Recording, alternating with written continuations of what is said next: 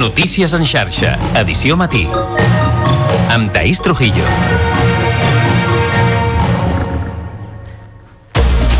Bon dia. Acusació i defensa presentaran recurs contra la sentència de l'Audiència de Barcelona que condemna l'exfutbolista Dani Alves a 4 anys i mig de presó per la violació d'una dona en una discoteca. El tribunal també li imposa llibertat vigilada durant 5 anys i 150.000 euros d'indemnització. Finalment l'acusat ha rebut la pena mínima respecte dels 12 anys que demanava la Fiscalia. Els magistrats han tingut en compte com a fet determinant l'absència de consentiment de la víctima i l'ús de la violència. València. Doncs així encapçalem el Notícies en xarxa d'aquest divendres 23 de febrer i al punt de les 7 del matí repassem també altres titulars. Els Mossos d'Esquadra investiguen com a possible crim masclista el cas de la dona de 37 anys que ha aparegut morta amb signes de violència en un pis a Olot. La víctima hauria perdut la vida per les lesions amb arma blanca provocades presumptament per la seva parella. L'home, que presentava ferides greus, ha mort hores més tard a l'Hospital Josep Trueta de Girona. Localitzen quatre persones mortes a l'incendi d'un edifici a València. Els serveis d'emergències continuen buscant 19 desapareguts a qui les seves famílies no han pogut localitzar. A més dels quatre morts, hi ha 14 persones ferides. Les flames van començar a mitja tarda en un dels pisos intermitjos del bloc de 14 plantes i van calcinar ràpidament tota la façana. El curs escolar començarà el 9 de setembre infantil, primària i ESO. Així ho ha decidit el departament, tenint en compte les demandes dels professors de disposar de més dies per preparar l'inici, malgrat l'avançament escolar. Per a batxillerat i FP de grau, i FP de grau mitjà, el primer dia serà el 12, l'endemà de la diada. En esports, Ricky Rubio ha tornat a la pista després de 10 mesos de baixa per salut mental. El del Masnou va sortir com a titular en el partit de la selecció espanyola davant Letònia. El Basa va disputar 20 minuts i va anotar 11 punts, però el seu retorn no va evitar la derrota per 75 a 79 i una exposició conjunta del Manac i del Museu del Prado, el Mirall Perdut, analitza a partir d'avui la relació entre els cristians i jueus i conversos durant l'edat mitjana. Ho fa a través d'una setantena de peces d'art produïdes entre els segles XIII i XIV. Repassats els titulars ara Urimània de Serveis. En primer lloc volem saber com se circula aquesta hora per la xarxa viària catalana. Connectem doncs amb el RAC. Àlex Huguet, molt bon dia. Molt bon dia. Registra de moment un accident a la C31 a Badalona on es talla un carril en direcció a Mataró i hi ha algunes cues, mentre que la resta de la xarxa hi ha les retencions habituals d'un divendres al matí i, per tant, en general menys congestió. Ara mateix es nota sobretot a les rondes en sentit Llobregat amb trams de 2-3 quilòmetres de cues des del nus de la Trinitat a la B20 i des del Fòrum a la Litoral i altres vies van registrant circulació intensa de moment sense massa aturades a l'enllaç de la B23 i l'A2 a Sant Joan d'Espí cap a Barcelona o la C58 com sempre arribant al nus de la Trinitat en sentit sud. És tot des del RAC. Bon dia.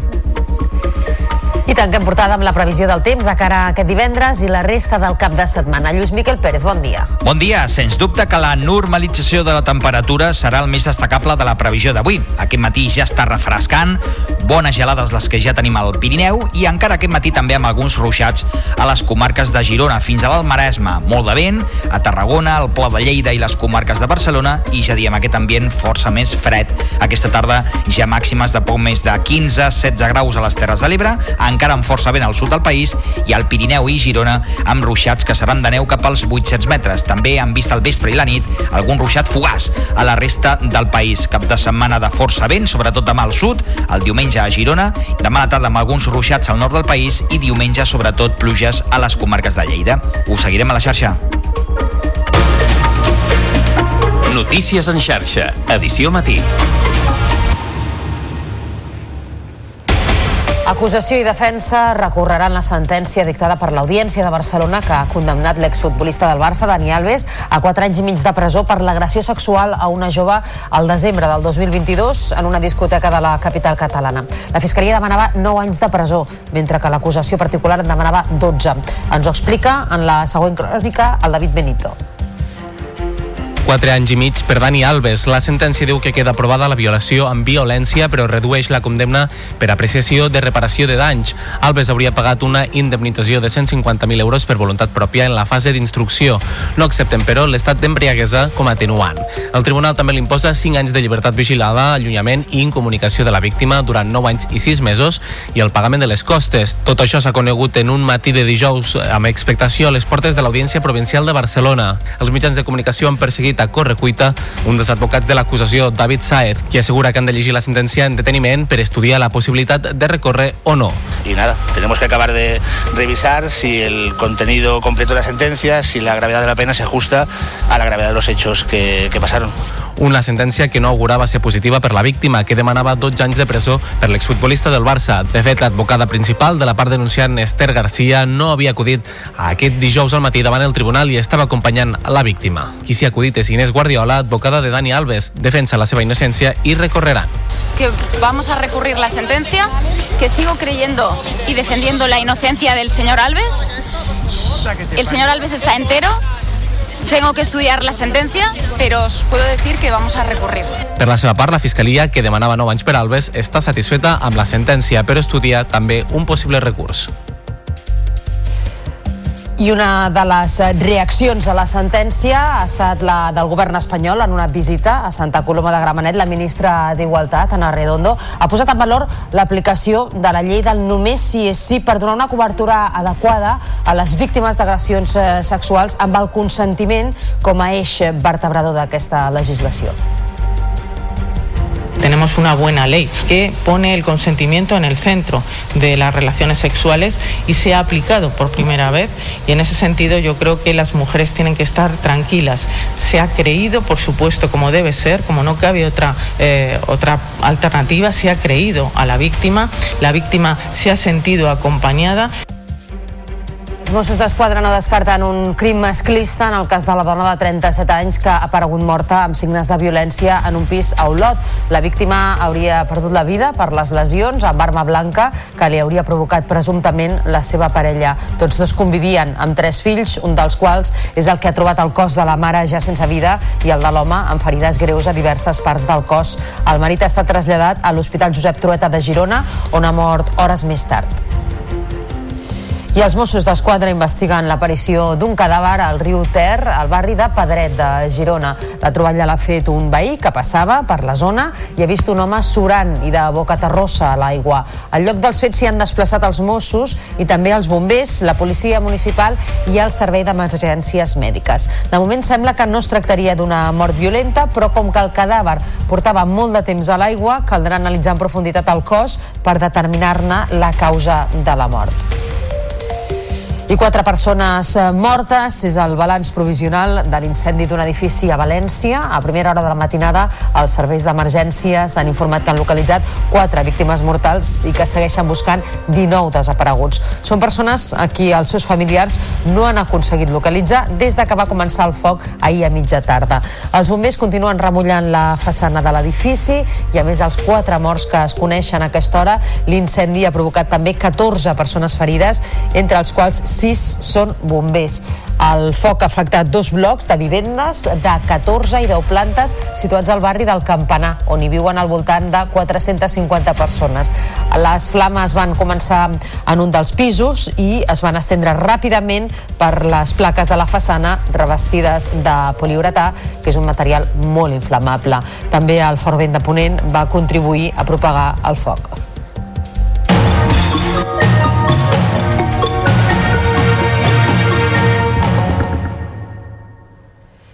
L'inici del curs escolar serà el 9 de setembre per a infantil, primària i ESO. La consellera d'Educació, Anna Simó, ho ha comunicat a la mesa sectorial i al Consell Escolar. D'aquesta forma, Educació endarrereix la data d'inici del curs, com li havien demanat membres del Consell Escolar. Ens ho explica l'Anna Rull. Ni el quart dia laborable de setembre, tal com havia establert l'exconseller Cambrai, aquí els sindicats li van fer 12 dies de vaga ni després de la diada, tal com sí volien els sindicats dels mestres. La consellera Simó ha marcat una data salomònica, el 9 de setembre, per a l'inici del curs. El curs 24-25 començarà el sisè dia laborable del mes de setembre, és a dir, el dilluns 9 de setembre en les etapes d'infantil, primària i secundària obligatòria. Refermo en la idea que l'avançament del curs escolar és una mesura positiva per a tota la, la comunitat educativa i en especial per l'alumnat més vulnerable. I mentre jo sigui consellera no tornarem a començar el curs després de la Diada Nacional. Això és una qüestió, és una aposta de legislatura que confirmo i em refermo. I un cop resolta la data d'inici de curs, Simó obre dues línies de treball i negociació pel futur. La primera, consensuar amb els sindicats un nou model de formació que pivotaria al voltant dels mesos de juliol i obligaria els docents a fer més hores de formació i que aquesta fos presencial. Però, en cap cas, aquesta nova proposta estarà enllestida pel proper estiu. I la segona, replantejar-se els horaris intensius a secundària, tot i que l'horari partit no tornarà als instituts a mitjà termini. Ara només s'obrirà el debat. Una data d'inici del curs anunciada pel Departament d'Educació que no ha agradat al sindicat majoritari en l'ensenyament, l'USTEC. Critiquen que és una decisió presa per sorpresa i rebutgen també el dia escollit. Per la seva banda, les entitats que representen les famílies tampoc ho veuen de bons ulls. Des del seu punt de vista, és una mesura que no té en compte criteris pedagògics. El millor dia per començar el curs és el que ja teníem, que és el dia 12 de setembre, després de la Diada Nacional Uh, aquest era el dia que permetia una preparació suficient uh, del curs, uh, sobretot a més a més això, si va acompanyat o si anava acompanyat de garantir que hi hagués en els centres totes les plantilles per poder fer aquesta planificació. Des de la FAC el que demanem és que es deixin de prendre decisions que siguin accidentals o arbitràries no? I, que, i que no obeeixin aquests criteris pedagògics i que, que aquestes decisions han d'estar basades en això i, i sobretot han d'estar basades en allò que és millor per l'alumnat encara referint-nos a qüestions que afecten la població infantil, en aquest cas la seva salut, l'Hospital Sant Joan de Déu ha presentat una unitat per tractar els casos més greus de nens, nenes i adolescents amb trastorns de conducta alimentària. Són malalties mentals greus que impacten de forma significativa a nivell físic, psicològic i social. Els casos han augmentat de forma exponencial després de la pandèmia de la Covid-19. I ha assistit a conèixer aquesta unitat un equip de TV. Manel Balcells, conseller de Salut, ha descrit la unitat com absolutament necessària, però insistint que no és una solució universal per acabar amb la problemàtica i que encara cal seguir treballant en l'augment de casos d'aquest trastorn entre infants i adolescents. Una de les novetats principals consisteix en el model d'hospitalització. La nova unitat ofereix un tractament que inclou accions terapèutiques intensives en l'àmbit familiar. D'aquesta manera, tant família com pacient ingressaran en un pis proper a l'hospital per desplaçar el tractament a un entorn natural i, a més, per dotar pares, mares i germans d'eines per fer front a la malaltia. L'equip assistencial assessora a la família no? en com preparar els àpats, no? què ha de comprar no? per poder assessorar no? en tot el procés, no només en la ingesta, sinó en tot el procés, que és el que després passarà a casa. Els apartaments es troben a pocs metres de l'hospital, entre dos i tres minuts del centre mèdic. A més, durant el seu disseny s'ha tingut en compte l'opinió de les mateixes pacients. Preveu que la unitat doni cobertura a tota Catalunya i forma part del pla de millora d'atenció a les persones amb TCAs presentat ara farà un any.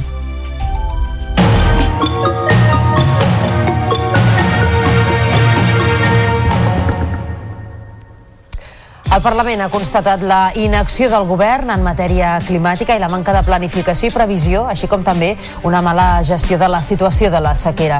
Així consta en una proposta de resolució del PSC que la Cambra ha aprovat en el marc del ple monogràfic sobre sequera i canvi climàtic que ha culminat en les darreres hores. El Parlament també ha instat l'executiu a convocar una nova cimera sobre aquesta situació d'emergència per la sequera i ha constatat la disposició dels grups a treballar conjuntament i de manera coordinada. A més, el Parlament ha rebutjat instar el govern a actuar amb transparència sobre el transport d'aigua en vaixell des de Sagunt. El ple també ha demanat un fons de sequera de 50 milions i que l'executiu prohibeixi regar camps de golf amb aigua de pou o de riu una sequera que podria suposar una reducció d'espècies invasores. Segons el Departament d'Acció Climàtica, és difícil de preveure com evolucionarà la natura un cop tornin les pluges, però actualment hi ha zones humides que estan completament seques i aquestes contenien, per exemple, cranc roig americà. Un exemple el trobem als estanys d'en Broc, a la Garrotxa. Ens informa el Gerard Puigdemont, des d'Olot TV. Tot i que no és segur i la natura és tan sorprenent com imprevisible, la situació extrema de sequera que estem vivint pot ser una oportunitat per regenerar en certa manera espais naturals. A la zona dels aiguamolls de la Moixina ja fa mesos que els estanys d'en Broc estan completament secs. Actualment aquesta zona humida de la ciutat d'Olot presenta una imatge completament mai vista per a moltes persones i a la vegada desoladora. En aquests estanys hi eren presents espècies invasores com el cranc roig americà, que durant anys i de mica en mica han anat transportant a través dels recs la fenomicosi, la malaltia que acaba amb la vida dels crancs autòctons.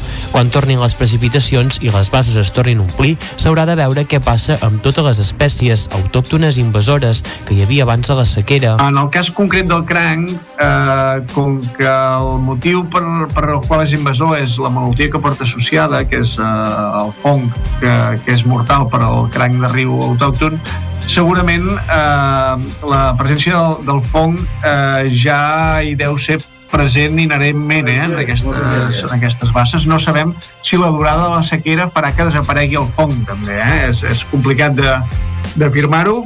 La sequera no acabarà definitivament amb el greu problema de les invasores i tot plegat és difícil de preveure. I més damnificats encara per culpa de la sequera, els horts urbans, els seus usuaris demanant ser equiparats amb el sector agrícola i que se'ls permeti regar el mínim per tal de salvar la petita collita. Aquest tipus d'horts estan considerats una activitat d'oci, per tant, en fase d'emergència per sequera tenen prohibit regar. Ens ho expliquen des de Canal Terrassa.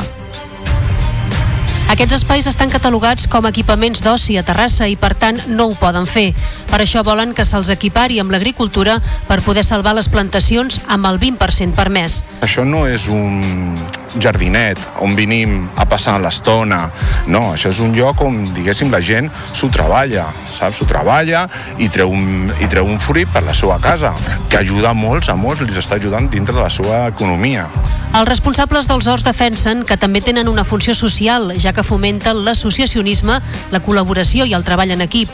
Afegeixen que són plenament conscients del problema i que precisament per això aquest estiu ja van aplicar mesures per reduir el consum d'aigua amb la col·locació de comptadors i rec per degoteig. No som aliens, diguéssim, a la problemàtica que tenim. Tot el contrari, han posat moltes medides aquest estiu que ja van tindre restriccions per poder, diguéssim, pal·liar aquest dèficit d'aigua que tenim. El col·lectiu ha fet arribar tant a la Generalitat com a l'Ajuntament les seves demandes, però de moment no han obtingut resposta. La Vall de l'Ebre reuneix les condicions per ser referent en la producció de l'hidrogen verd i els territoris que la conformen no arriben tard encara en aquesta aposta tecnològica.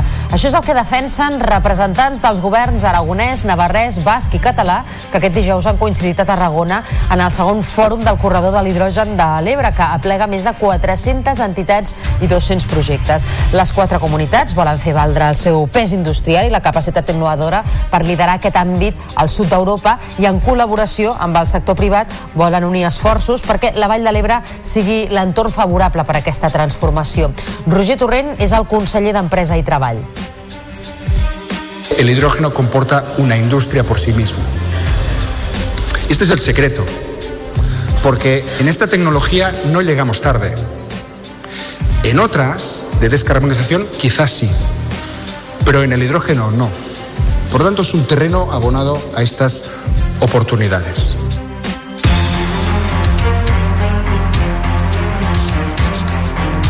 Nou gir en l'intent de relacionar Carles Puigdemont amb Tsunami Democràtic. La Fiscalia del Suprem conclou que no hi ha indicis per investigar l'expresident per terrorisme i demana arxivar la causa. La tinent fiscal del Tribunal Suprem considera que no existeixen proves que permetin afirmar que Puigdemont participés en la fundació o la planificació de les accions de Tsunami. Segons l'escrit de la Fiscalia, el magistrat instructor es limita a efectuar conjectures sense base. D'aquesta forma, la Fiscalia del Suprem demana l'arxivament de la causa i la seva devolució al jutjat central d'instrucció número 6 de l'Audiència Nacional perquè finalitzi la investigació. I encara de l'àmbit judicial, avui recuperem el cas de la Rosario Bravo, aquella veïna del barri de la Torrassa de l'Hospitalet de Llobregat que va ser desnonada de casa seva per error. Tres anys després, el cas continua judicialment encallat i sense solucions. Canal Terrassa ha recordat la trista efemèride amb la família. Per a la Rosario Bravo, el mes de febrer és especial. El dia 3 celebra l'aniversari i aquest any ha estat important n'ha fet 100, una xifra que li feia il·lusió atrapar. però a la vegada, el dia 19, també ha estat l'aniversari d'un dels pitjors dies que ha viscut. Ara fa 3 anys, un error va fer que buidessin el pis on vivia a l'Hospitalet de Llobregat. Van confondre l'habitatge amb el del veí de sota, qui s'havia de desnonar. En aquells moments, la Rosario es trobava a Terrassa amb el seu fill, l'Emiliano, amb qui conviu des de llavors. Després de 3 anys, ni ha pogut recuperar les seves pertinences ni ha rebut cap indemnització ni tan sols disculpes. Ni disculpas, nada, absolutamente nada. Como si estuviera muerto todo. La família intenta que es faci justícia, però la primera demanda de responsabilitat penal va quedar arxivada i la de responsabilitat civil fa dos anys que espera a l'Audiència de Barcelona sense resolució. L'últim pas, aquest mes de desembre, ha estat fer una reclamació al Ministeri de Justícia per responsabilitat patrimonial del gestor processal que va cometre l'equivocació. Tengo esperanzas de que alguien dé solución a este tema independientemente que luego ellos pidan la responsabilidad a quien corresponda. Pero en este caso, quien ordena abrir la puerta, gestor procesal. ¿Este señor quién es? Un trabajador del Ministerio de Justicia. Y ahí es donde hemos puesto esta reclamación al Ministerio de Justícia en diciembre. Tres anys després, continua sent un misteri on paren les pertinences de la Rosario. I abans dels esports us expliquem que el Linito, el mico caputxí que vivia en una gàbia d'un pis de Barcelona des de fa 36 anys, es recupera en un espai gran amb molta vegetació. De moment encara està sol en un centre a Riudellots de la Selva, sota la supervisió de la Fundació Mona. Els seus cuidadors asseguren que ja han notat els primers canvis en la manera de relacionar-se del Linito. S'estarà en aquest centre fins que estigui preparat per conviure amb animals de la seva mateixa espècie, per tal que s'hi pugui relacionar amb ells.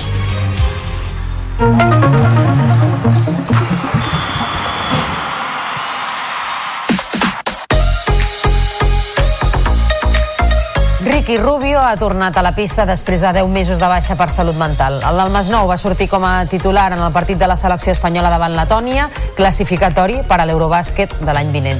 El base va disputar 20 minuts i va anotar 11 punts, però el seu retorn no va evitar la derrota per 75 a 79. Un altre blaugrana, Joel Parra, es va haver de retirar per una lesió al turmell. Al final del partit, Ricky explicava com s'havia sentit.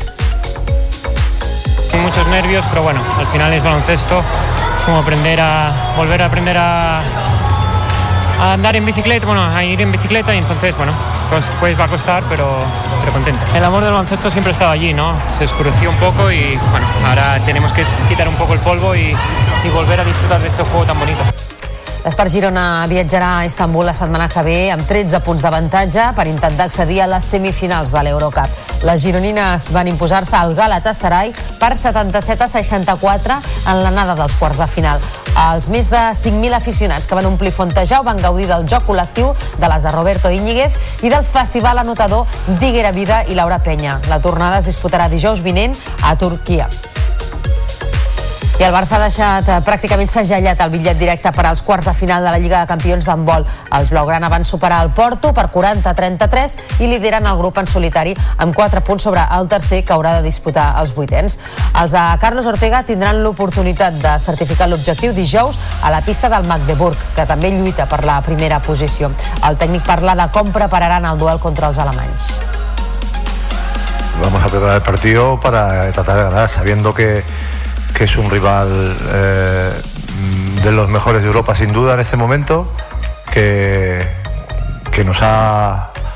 Hemos tenido derrotas dolorosas contra ellos eh, y, que jugamos en su casa, pero eh, da igual el rival que sea, nosotros somos el Barça y tenemos que ir siempre a, tratar de sacar los partidos. Alexia Putellas podria tornar a jugar avui, un partit després de 3 mesos fora dels terrenys de joc per una lesió de genoll. La davantera, sense alta mèdica per part del Barça, va fer el darrer entrenament amb la selecció espanyola a bon ritme i la seleccionadora Montse Tomé no la descarta per al duel de la Nations League contra els Països Baixos. La llista de convocades es farà oficial aquest matí.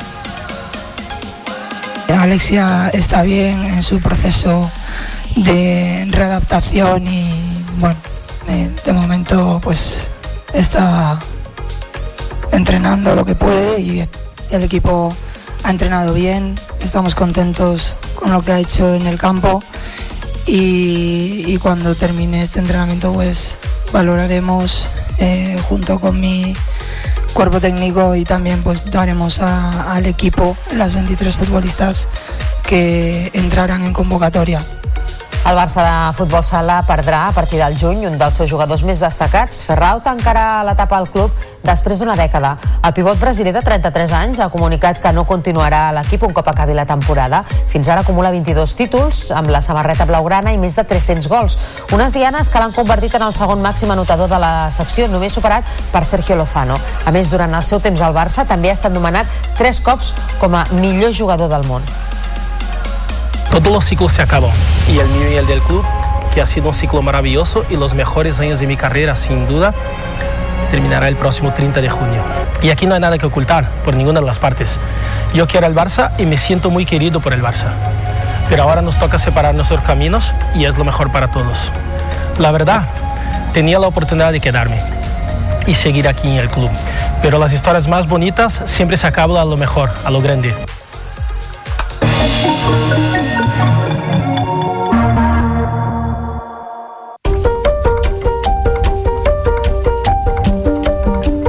Exposició conjunta del Manac i del Museu del Prado, el Mirall Perdut, analitza la relació entre els cristians i jueus i conversos durant l'edat mitjana.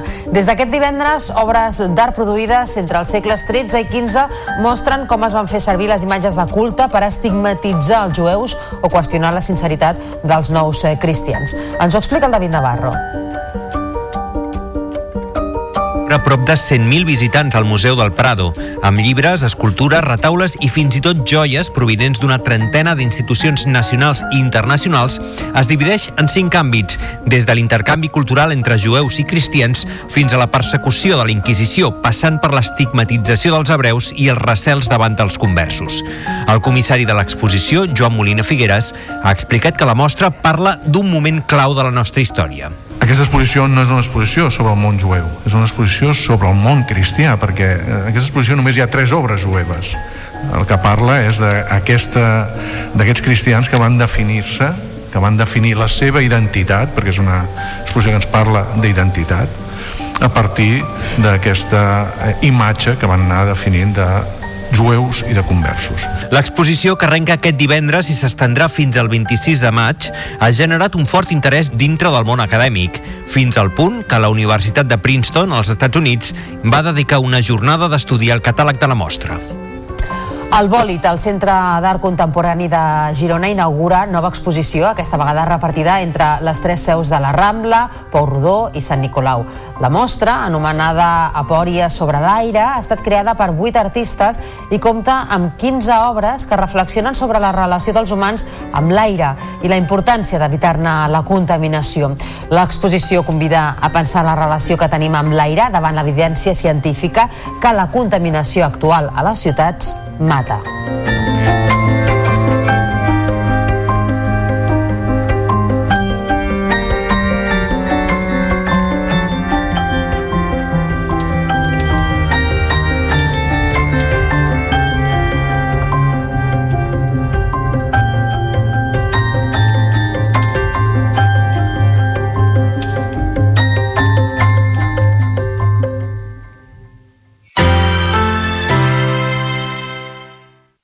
La xarxa de comunicació local. Torna al Festival Subtraveling. Inspira't en els grans, roda el teu curt i participa a Roda a TMB. Pots guanyar un viatge a Seul, una càmera professional, entre altres premis de cine. Més informació a subtravelingfestival.tmb.cat Propostes en xarxa.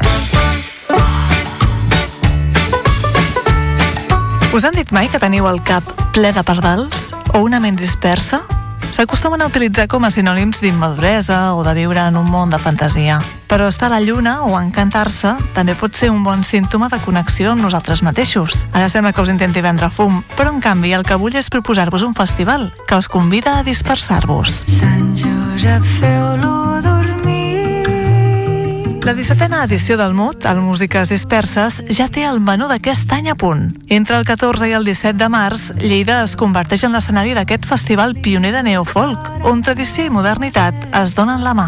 El cartell reuneix artistes de llarga i reconeguda trajectòria amb propostes que tot just s'obren camí en el folk modern. Un menú deliciós i equilibrat que comptarà amb la cantant de Fado Lina, les veus de River Omelette fusionant arrels populars anglosaxones amb indie pop, el folk dels gallecs Luarna Lubre, el cantautor nord-americà Dave Bixby o la unió de la trompetista i cantant de jazz Alba Careta amb el cantautor i productor Enrio.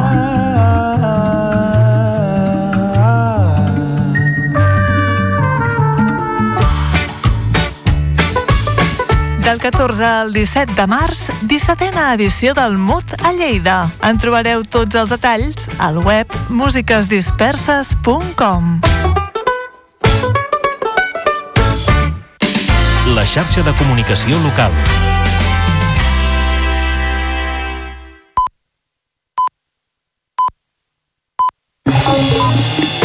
Notícies en xarxa, edició matí. Amb Taís Trujillo.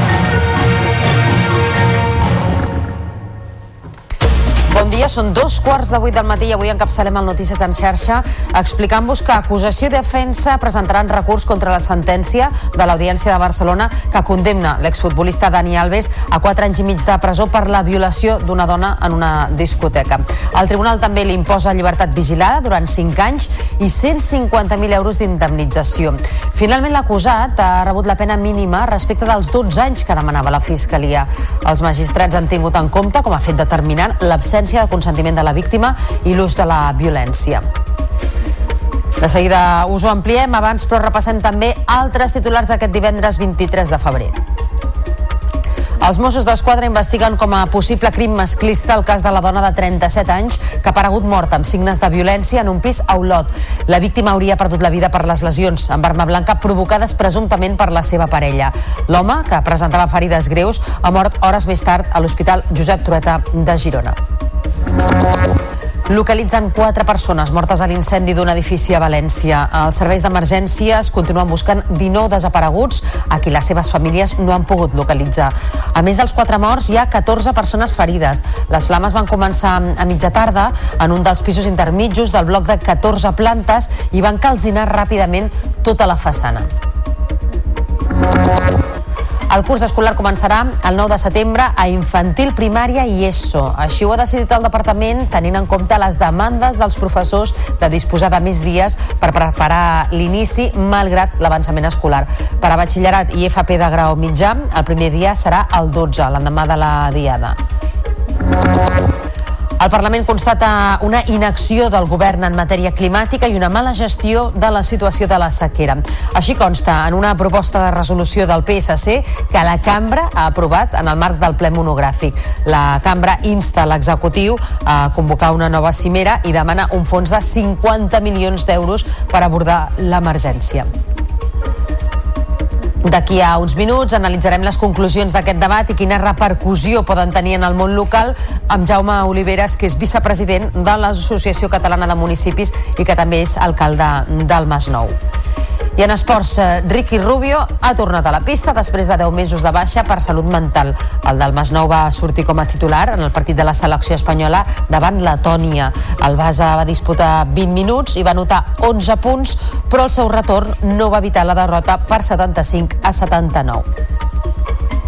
I en cultura, una exposició conjunta del Manac i del Museu del Prado, el Mirall Perdut, analitza a partir d'avui la relació entre els cristians i jueus i conversos durant l'edat mitjana. Ho fa a través d'una setantena de peces d'art produïdes entre els segles XIII i XIV. I ara obrim plana de serveis amb el trànsit. Segons el RAC, a la ronda litoral de Barcelona, el tram de Montjuïc en sentit Llobregat, hi ha part de la via tallada amb cues de 4 quilòmetres des de Ciutat Vella i pràcticament s'ajunta amb les retencions habituals en sentit sud des de Sant Adrià. Així tot, en general, el panorama a les carreteres és menys congestionat aquest matí amb lentitud a Pallejà, a la 2 en sentit est, la C58 en sentit nord a Ripollet i a la Ronda de Dalt, com sempre, al nus de la Trinitat i durant 4 quilòmetres fins a Horta en sentit Llobregat. I ara tanquem portada amb la previsió del temps de cara a aquest divendres. Ha plogut a comarques de Girona, al Maresme i a d'altres punts de Catalunya i en general ha refrescat. Hi ha hagut gelades al Pirineu i les temperatures han baixat a valors més normals per a l'època de l'any. Podria caure algun ruixat encara durant les properes hores. Notícies en xarxa, edició matí. Acusació i defensa recorreran la sentència dictada per l'Audiència de Barcelona que ha condemnat l'exfutbolista del Barça, Dani Alves, a 4 anys i mig de presó per agressió sexual a una jove al desembre del 2022 en una discoteca de la capital catalana. La Fiscalia demanava 9 anys de presó, mentre que l'acusació particular en demanava 12. Ens ho explica en la següent crònica el nostre company David Benito. 4 anys i mig per Dani Alves. La sentència diu que queda aprovada la violació amb violència, però redueix la condemna per apreciació de reparació de danys. Alves hauria pagat una indemnització de 150.000 euros per voluntat pròpia en la fase d'instrucció. No accepten, però, l'estat d'embriaguesa com atenuant. El tribunal també li imposa 5 anys de llibertat vigilada, allunyament i incomunicació de la víctima durant 9 anys i 6 mesos i el pagament de les costes. Tot això s'ha conegut en un matí de dijous amb expectació a les portes de l'Audiència Provincial de Barcelona. Els mitjans de comunicació han perseguit a correcuita un dels advocats de l'acusació, David Saez, qui assegura que han de llegir la sentència en deteniment per estudiar la possibilitat de recórrer o no. Y nada, tenemos que acabar de revisar si el contenido completo de la sentencia, si la gravedad de la pena se ajusta a la gravedad de los hechos que, que pasaron. Una sentència que no augurava ser positiva per la víctima, que demanava 12 anys de presó per l'exfutbolista del Barça. De fet, l'advocada principal de la part denunciant, Esther Garcia, no havia acudit a aquest dijous al matí davant el tribunal i estava acompanyant la víctima. Qui s'hi ha acudit és Inés Guardiola, advocada de Dani Alves. Defensa la seva innocència i recorreran. que vamos a recurrir la sentencia, que sigo creyendo y defendiendo la inocencia del señor Alves. El señor Alves está entero. Tengo que estudiar la sentencia, pero os puedo decir que vamos a recurrir. Per la seva part, la Fiscalia, que demanava 9 anys per Alves, està satisfeta amb la sentència, però estudia també un possible recurs. Una de les reaccions a la sentència ha estat la del govern espanyol. En una visita a Santa Coloma de Gramenet, la ministra d'Igualtat, Ana Redondo, ha posat en valor l'aplicació de la llei del només sí és sí per donar una cobertura adequada a les víctimes d'agressions sexuals amb el consentiment com a eix vertebrador. Tenemos una buena ley que pone el consentimiento en el centro de las relaciones sexuales y se ha aplicado por primera vez y en ese sentido yo creo que las mujeres tienen que estar tranquilas. Se ha creído, por supuesto, como debe ser, como no cabe otra, eh, otra alternativa, se ha creído a la víctima, la víctima se ha sentido acompañada. I els Mossos d'Esquadra no descarten un crim masclista en el cas de la dona de 37 anys que ha aparegut morta amb signes de violència en un pis a Olot. La víctima hauria perdut la vida per les lesions amb arma blanca que li hauria provocat presumptament la seva parella. Tots dos convivien amb tres fills, un dels quals és el que ha trobat el cos de la seva mare, ja sense vida, i el de l'home amb ferides greus a diverses parts del cos. El marit ha estat traslladat a l'Hospital Josep Trueta de Girona, on ha mort hores més tard. I quatre persones mortes és el balanç provisional de l'incendi d'un edifici a València. A primera hora de la matinada, els serveis d'emergències han informat que han localitzat quatre víctimes mortals i que segueixen buscant encara 19 desapareguts. Són persones a qui els seus familiars no han aconseguit localitzar des de que va començar el foc ahir a mitja tarda. Els bombers continuen remullant la façana de l'edifici.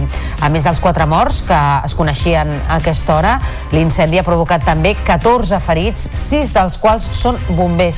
Ha afectat dos blocs de pisos de 14 i 10 plantes situats al barri del Campanar, on hi viuen al voltant de 450 persones. El foc va començar en un dels habitatges i les flames es van estendre ràpidament per les plaques de la façana revestides de poliuretà, un material molt inflamable. També el fort vent de Ponent va contribuir a propagar el foc.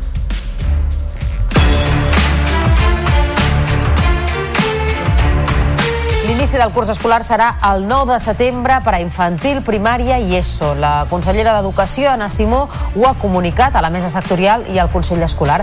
D'aquesta forma, Educació endarrereix la data d'inici del curs, tal com li havien demanat membres del Consell Escolar. Ens ho explica l'Anna Ruiz. Ni el quart dia laborable de setembre, tal com havia establert l'exconseller Cambrai, aquí els sindicats li van fer 12 dies de vaga ni després de la diada, tal com sí volien els sindicats dels mestres. La consellera Simó ha marcat una data salomònica, el 9 de setembre, per a l'inici del curs. El curs 24-25 començarà el sisè dia laborable del mes de setembre, és a dir, el dilluns 9 de setembre en les etapes d'infantil, primària i secundària obligatòria. Refermo en la idea que l'avançament del curs escolar és una mesura positiva per a tota la, la comunitat educativa i en especial per l'alumnat més vulnerable i mentre jo sigui consellera no tornarem a començar el curs després de la Diada Nacional. Això és una qüestió, és una aposta de legislatura que confirmo i em refermo. I un cop resolta la data d'inici de curs, Simó obre dues línies de treball i negociació pel futur. La primera, consensuar amb els sindicats un nou model de formació que pivotaria al voltant dels mesos de juliol i obligaria els docents a fer més hores de formació i que aquesta fos presencial. Però, en cap cas, aquesta nova proposta estarà enllestida pel proper estiu. I la segona, replantejar-se els horaris intensius a secundària, tot i que l'horari partit no tornarà als instituts a mitjà termini. Ara només s'obrirà el debat. Una decisió del Departament d'Educació que no ha agradat a Ustec, el sindicat majoritari dels mestres. Critiquen que és una decisió presa per sorpresa i rebutja el dia escollit. Per la seva banda, les entitats que representen les famílies tampoc ho veuen de bons ulls. Des del seu punt de vista, és una mesura que no té en compte criteris pedagògics. El millor dia per començar el curs és el que ja teníem, que és el dia eh, 12 de setembre, després de la Diada Nacional. Uh, aquest era el dia que permetia una preparació suficient uh, del curs, uh, sobretot a més a més això, si va acompanyat o si anava acompanyat de garantir que hi hagués en els centres totes les plantilles per poder fer aquesta planificació. Des de la FAC el que demanem és que es deixin de prendre decisions que siguin accidentals o arbitràries no? I, que, i que no obeeixin aquests criteris pedagògics i que, que aquestes decisions han d'estar basades en això i, i sobretot han d'estar basades en allò que és millor per l'alumnat L'Hospital Sant Joan de Déu ha presentat una unitat per tractar els casos més greus de nens, nenes i adolescents amb trastorns de la conducta alimentària. Són malalties mentals greus que impacten de forma significativa a nivell físic, psicològic i social. Els casos, de fet, han augmentat de forma exponencial després de la pandèmia de la Covid-19. I ha anat a visitar aquesta unitat un equip de ETV. Manel Balcells, conseller de Salut, ha descrit la unitat com absolutament necessària, però insistint que no és una solució universal per acabar amb la problemàtica i que encara cal seguir treballant en l'augment de casos d'aquest trastorn entre infants i adolescents. Una de les novetats principals consisteix en el model d'hospitalització. La nova unitat ofereix un tractament que inclou accions terapèutiques intensives en l'àmbit familiar. D'aquesta manera, tant família com pacient ingressaran en un pis proper a l'hospital per desplaçar el tractament a un entorn natural i, a més, per dotar pares, mares i germans d'eines per fer front a la malaltia. L'equip assistencial assessora a la família no? en com preparar els àpats, no? què ha de comprar no? per poder assessorar no? en tot el procés, no només en la ingesta, sinó en tot el procés, que és el que després passarà a casa. Els apartaments es troben a pocs metres de l'hospital, entre dos i tres minuts del centre mèdic. A més, durant el seu disseny s'ha tingut en compte l'opinió de les mateixes pacients. Preveu que la unitat doni cobertura a tota Catalunya i forma part del Pla de millora d'atenció a les persones amb TCAs presentat ara farà un any.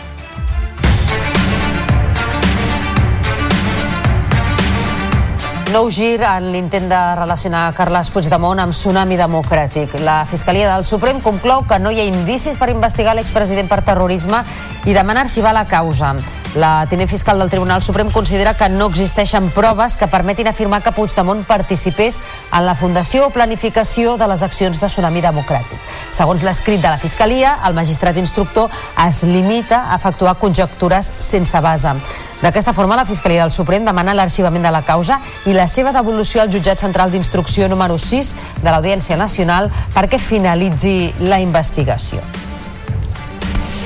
El Parlament ha constatat la inacció del govern en matèria climàtica i la manca de planificació, previsió i també mala gestió de la situació de la sequera. Així consta en una proposta de resolució del PSC que la cambra ha aprovat en el marc del ple monogràfic sobre sequera i canvi climàtic que ha culminat en les eh, darreres hores. En volem parlar d'aquestes sessions i d'aquesta gestió de la manca d'aigua que està fent la Generalitat i ho fem amb Jaume Oliveres, que és vicepresident primer de l'ACM i alcalde del Masnou. Senyor Oliveres, molt bon dia. Molt bon dia. Vostès estarien d'acord amb aquesta resolució aprovada que parla d'inacció i de mala gestió? Bé, el problema jo crec que s'han de, al marge del, de les dinàmiques dels debats parlamentaris, portem arrosseguem de fa bastants anys una manca d'inversió en les infraestructures de la xarxa d'abastament d'aigua. Per tant, centrar-ho en el que ha passat en aquests darrers anys és insuficient, no? perquè uh, per tot el que arrosseguem. No crec que es trobem en una situació d'excepcionalitat i que hem d'abordar doncs, totes les mesures i, evidentment, el govern ha de tenir en compte el món local per intentar sortir-nos d'aquesta situació fruit de la crisi climàtica que vivim. Uh -huh. Ho està fent suficient, això de tenir en compte el món local, el govern? Bé, jo crec que hem tingut elements positius de col·laboració durant aquest darrers temps, amb la mateixa Agència Catalana de l'Aigua, amb la redacció d'una ordenança de sequera, amb també la convocatòria de subvencions, que crec que ben aviat es podran resoldre, Uh, jo crec que potser el, el retret que podíem fer és quan es va fer el decret llei del 2023 sobre les sancions, no se'ns va consultar, però sí que estem convençuts que aquesta setmana ens posarem d'acord amb el govern amb la revisió d'aquest règim sancionador pels ajuntaments i que també demanem, evidentment, que totes les mesures que es puguin prendre a partir d'ara, i a més, si, si arribéssim a una situació de major excepcionalitat, anant a la, a la, segona, a la segona fase no, del, de la situació d'emergència, pactar sempre, consensuar sempre aquestes mesures amb els ajuntaments. Uh -huh. Pel que fa a aquest eh, règim sancionador, quins canvis els agradaria impulsar o veure? Què és el que demanaran? Jo crec que, eh, ens trobem en una situació que tots aquells dèficits que té la xarxa d'abastament d'aigua, que tampoc són responsabilitats, segurament, molts d'ells, dels actuals responsables dels governs municipals, doncs eh, quedin al marge de les, de, de les sancions, sobretot quan els ajuntaments estan ja prenent mesures o tenen una planificació un pla d'actuació per eh, solventar totes aquestes eh, mancances de les infraestructures. Això és una de les coses que plantegem al govern i estem convençuts, esperem, no? Així ho esperem que es tingui en compte, no?, a, l'hora de reconsiderar el règim sancionador, que és el que estem parlant en aquests moments amb el govern. Uh -huh. Pel que fa a mesures que sembla que, i també ho deien al Parlament, eh, sembla que agafaran de, acabaran agafant més, més volada, com la implantació d'algunes de desalinitzadores, algunes de les quals eh, impulsades i pagades per sectors privats, com és el turístic. Això què els sembla als municipis? Bé, la, evidentment la, la situació de l'estiu eh, genera molta intranquil·litat. No? Jo crec que s'ha de, de no es poden contemplar determinades mesures aïllades d'altres mesures. No? Tenim la, problemàtica també de les piscines municipals, que és un tema que també s'ha posat sobre la taula, que és important, eh, donar-hi una solució. No es poden prendre mesures aïllades sense un conjunt de mesures per, per fer front a aquesta situació que sobretot en els mesos de calor que vindran, els mesos d'estiu, que puguem afrontar. Per tant, mesures aïllades, si no van amb un conjunt de mesures, crec que seria no seria la millor solució. No? Per tant, seria bo que abordéssim un conjunt de mesures, que poguéssim acordar un conjunt de mesures, el govern amb, els, amb el món local, no? també evidentment hi ha alguna sèrie de mesures que s'han pres en el debat parlamentari que es poden tenir en compte per tirar endavant eh, els propers mesos. N'anirem parlant. Jaume Oliveres, vicepresident primer de l'Associació Catalana de Municipis i també alcalde del Masnou. Gràcies per atendre'ns. Molt bon dia. Moltes gràcies a vosaltres. Adéu. I ara canviem de qüestió per explicar-vos que la Vall de l'Ebre reuneix les condicions per ser referent en la producció de l'hidrogen verd i els territoris que la conformen no arriben tard encara en aquesta aposta tecnològica. Això és el que defensen representants dels, go dels governs aragonès, navarrès, basc i català que aquest dijous han coincidit a Tarragona en el segon fòrum del corredor de l'hidrogen de l'Ebre que aplega més de 400 entitats i 200 projectes. Les quatre comunitats volen fer valdre el seu pes procés industrial i la capacitat innovadora per liderar aquest àmbit al sud d'Europa i en col·laboració amb el sector privat volen unir esforços perquè la Vall de l'Ebre sigui l'entorn favorable per a aquesta transformació. Roger Torrent és el conseller d'Empresa i Treball. El hidrógeno comporta una industria por sí mismo. Este es el secreto, porque en esta tecnología no llegamos tarde. En otras, de descarbonización, quizás sí, pero en el hidrógeno no. Por tanto, es un terreno abonado a estas oportunidades. El govern invertirà 240 milions d'euros per transformar 20 quilòmetres de la C-16 entre Berga i Bagà. Es preveu que el projecte estigui enllestit l'any 2030. Així ho ha anunciat aquest dijous a Gironella la consellera de Territori Esther Capella davant dels alcaldes i alcaldesses de la comarca. Ens ho expliquen des de la televisió del Berguedà. La proposta millora l'última que ja va presentar l'any 2019 al departament, l'ampliació a un tercer carril reversible per tal que es pugui habilitar dos carrils de circulació en qualsevol dels dos sentits en funció de les necessitats del trànsit. Els canvis, en relació a l'anterior projecte, són la construcció de cinc nous túnels paral·lels als ja existents entre Berga i el barri de Terradelles de Bagà, en comptes d'ampliar els actuals, i la construcció d'un nou viaducte a Cercs entre el barri del Puig i l'embarcador de la Mata. Tenim pressupost, tenim projecte i per tant la C16 de, de Berga-Bagà serà una realitat, 240 milions d'euros de disponibilitat del Departament de Territori, un projecte ja dibuixat amb, doncs, que garanteix la seguretat, que garanteix també que la capacitat d'assumir aquestes diferències de trànsit en sentit nord o sentit sud, amb, depèn del dia de la setmana, amb aquest 2 més 1, que més garanteix la seguretat i evita també la sinistralitat en aquesta via. En aquest sentit, la consellera ha posat en valor el consens a què s'ha arribat amb els alcaldes i alcaldesses per acabar amb les reticències d'una comarca que ha vist passatge a vuit consellers presentant el mateix i s'ha compromès a complir els terminis previstos, és a dir, començar les obres l'any 2025 i acabar-les l'any 2030.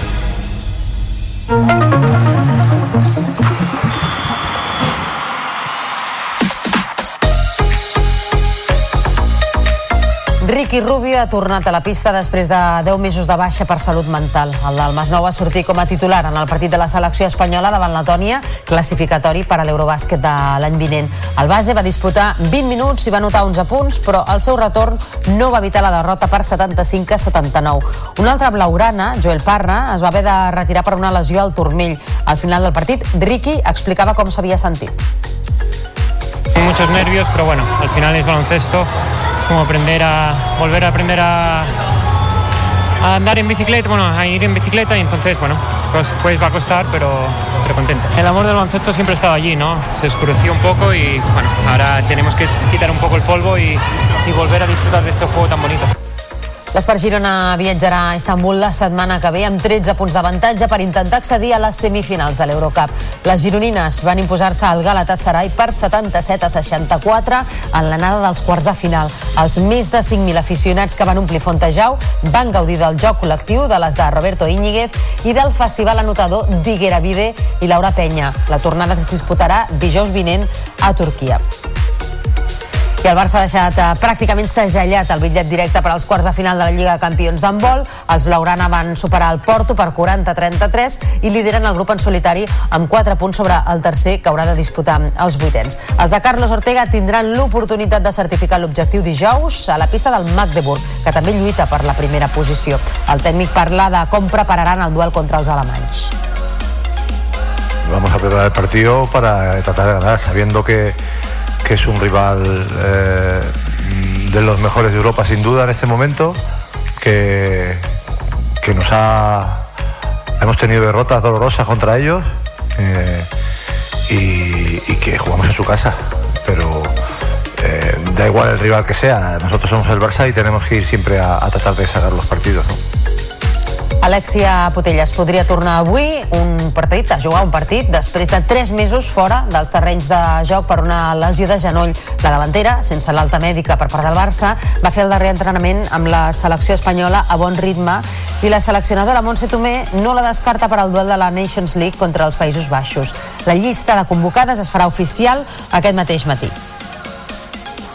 Alexia está bien en su proceso de readaptación y bueno, de momento pues está entrenando lo que puede y el equipo ha entrenado bien, estamos contentos con lo que ha hecho en el campo y, cuando termine este entrenamiento pues valoraremos eh, junto con mi cuerpo técnico y también pues daremos al equipo las 23 futbolistas que entrarán en convocatoria. El Barça de futbol sala perdrà a partir del juny un dels seus jugadors més destacats. Ferrao tancarà l'etapa al club després d'una dècada. El pivot brasiler de 33 anys ha comunicat que no continuarà a l'equip un cop acabi la temporada. Fins ara acumula 22 títols amb la samarreta blaugrana i més de 300 gols.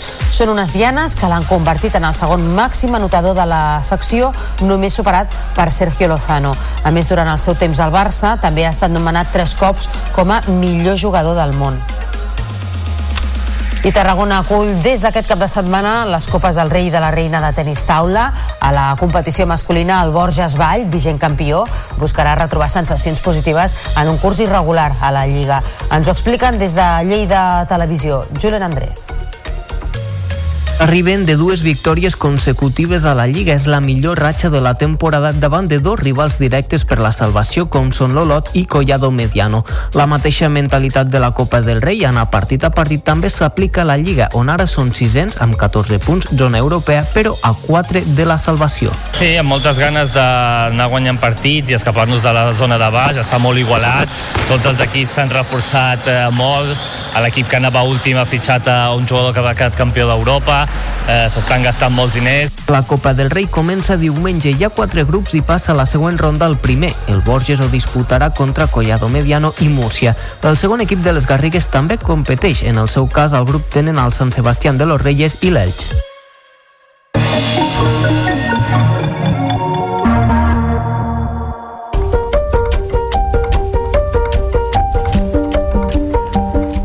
Exposició conjunta del Manac i del Museu del Prado, el Mirall Perdut, analitza la relació entre els cristians i jueus i conversos durant l'edat mitjana. Des d'aquest divendres, obres d'art produïdes entre els segles XIII i XV mostren com es van fer servir les imatges de culte per estigmatitzar els jueus o qüestionar la sinceritat dels nous cristians. Ens ho explica el David Navarro. La mostra arriba després de rebre prop de 100.000 visitants al Museu del Prado, amb llibres, escultures, retaules i fins i tot joies provinents d'una trentena d'institucions nacionals i internacionals, es divideix en cinc àmbits, des de l'intercanvi cultural entre jueus i cristians fins a la persecució de la Inquisició, passant per l'estigmatització dels hebreus i els recels davant dels conversos. El comissari de l'exposició, Joan Molina Figueres, ha explicat que la mostra parla d'un moment clau de la nostra història. Aquesta exposició no és una exposició sobre el món jueu, és una exposició sobre el món cristià, perquè en aquesta exposició només hi ha tres obres jueves. El que parla és d'aquests cristians que van definir-se, que van definir la seva identitat, perquè és una exposició que ens parla d'identitat, a partir d'aquesta imatge que van anar definint de jueus i de conversos. L'exposició que arrenca aquest divendres i s'estendrà fins al 26 de maig ha generat un fort interès dintre del món acadèmic, fins al punt que la Universitat de Princeton, als Estats Units, va dedicar una jornada d'estudiar el catàleg de la mostra. Intervencions eh, d'art urbà per decorar transformadors i armaris elèctrics amb l'objectiu de transmetre missatges mediambientals i de retruc, dignificar i donar color i alegria a espais urbans de la ciutat. Aquesta és la finalitat del projecte Art amb Energia que impulsen l'Ajuntament de l'Hospitalet i Endesa. Els companys de la televisió d'Hospitalet n'han visitat alguns. Una d'aquestes intervencions d'art urbà ha estat el transformador i l'armari de l'Avinguda Can Serra, que fa al·lusió a l'energia eòlica i que ha estat pintat per persones amb discapacitat del centre Alpi. Muy bien pintado el mural. El taller de pintura. Vale. Hem col·laborat amb entitats educatives i socials, amb, amb nois i noies que ens han ajudat a fer aquestes pintures i aquests murals a les nostres instal·lacions i realment és un projecte doncs, per posar en valor i per, i, i per arrelar-nos més a la ciutat. Els artistes reivindiquen que aquestes peces d'art al carrer donen alegria i milloren l'espai públic. Esto le da como una cara, encima tiene color, la gente se alegra porque al final el color es alegría, ¿no? El projecte Art amb Energia que impulsen l'Ajuntament i Endesa preveu una vintena d'intervencions en armaris i transformadors elèctrics arreu de la ciutat. El grup valencià La Fúmiga presenta el seu tercer àlbum Tot està per fer. És una oda a l'evolució, al constant canvi, al trencament de la rutina i al creixement personal. El nostre puto guiriga i la nostra amenaça i que s'entere el peitat, que flipe la plaça, ja veurem què passa. La xarxa de comunicació local.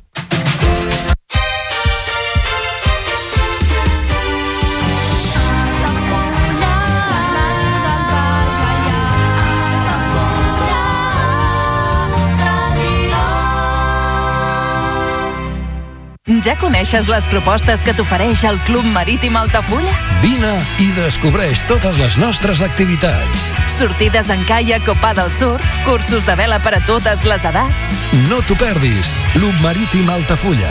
Obert tot l'any i per a tothom. Comunions 2024. Dates ja disponibles amb sales privades, jardí, pàrquing privat i la millor gastronomia. Més informació i reserves al 977 65 11 55 i a comercial arroba altafullamarotel.com o al web altafullamarotel.com. Les teves celebracions familiars a l'Altafulla Mar Hotel.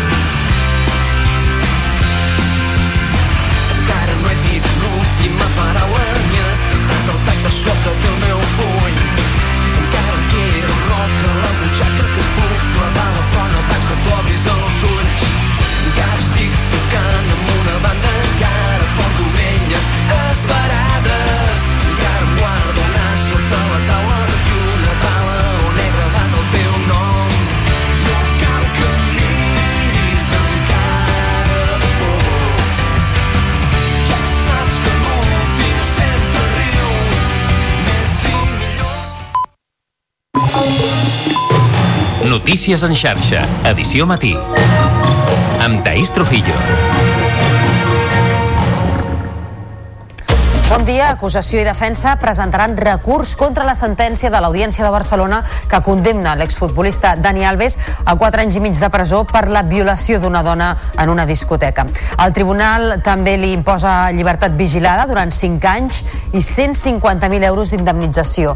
Finalment, l'acusat ha rebut la pena mínima respecte dels 12 anys que demanava la Fiscalia. Els magistrats han tingut en compte com a fet determinant l'absència de consentiment de la víctima i l'ús de la violència. Així encapçalem el Notícies en xarxa d'aquest divendres 23 de febrer i al punt de les 8 del matí repassem també altres titulars. Els Mossos d'Esquadra investiguen com a possible crim masclista el cas de la dona de 37 anys que ha aparegut morta amb signes de violència en un pis a Olot. La víctima hauria perdut la vida per les lesions amb arma blanca provocades presumptament per la seva parella. L'home, que presentava ferides greus, ha mort hores després a l'Hospital Josep Trueta de Girona. Localitzen quatre persones mortes a l'incendi d'un edifici a València. Els serveis d'emergències continuen buscant 19 desapareguts a qui les seves famílies no han pogut localitzar. A més dels quatre morts, hi ha 14 persones ferides. Ara mateix ja no hi ha flames a l'edifici, però els bombers no hi han pogut entrar ni creuen que puguin fer-ho durant el dia d'avui.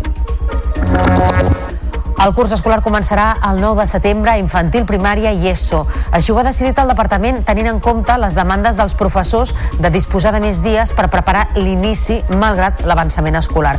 Per a batxillerat i FP de grau mitjà, el primer dia serà el 12, l'endemà de la diada. En esports, Ricky Rubio ha tornat a la pista després de 10 mesos de baixa per salut mental. El del Masnou va sortir com a titular en el partit de la selecció espanyola davant Letònia. El Basa va disputar 20 minuts i va anotar 11 punts, però el seu retorn no va evitar una derrota per 75 a 79.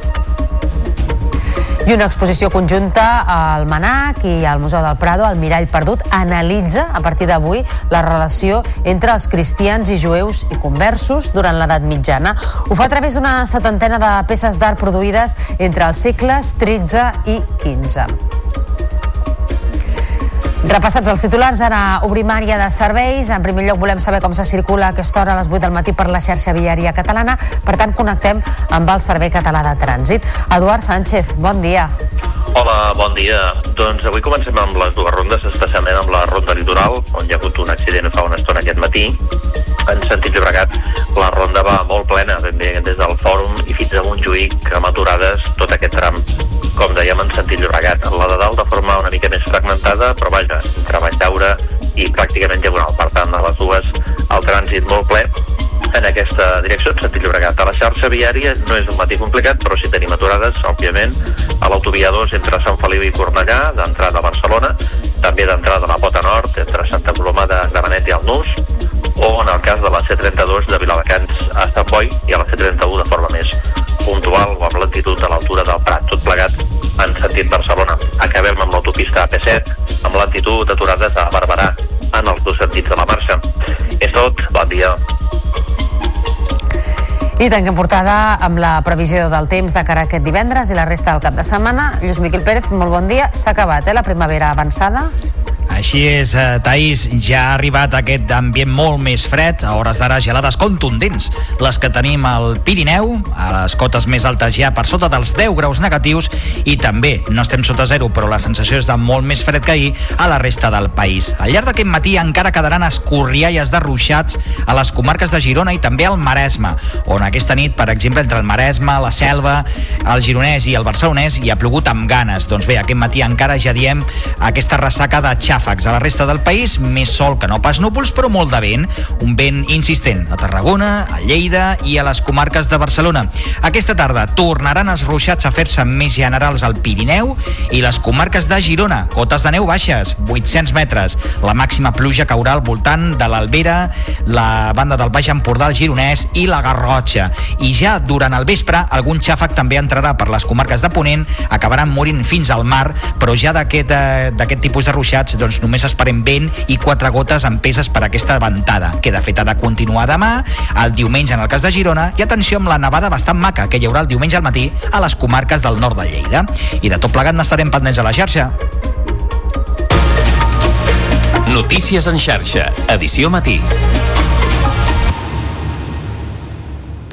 Acusació i defensa recorreran la sentència dictada per l'Audiència de Barcelona que ha condemnat l'exfutbolista del Barça, Dani Alves, a 4 anys i mig de presó per l'agressió sexual a una jove al desembre del 2022 en una discoteca de la capital catalana.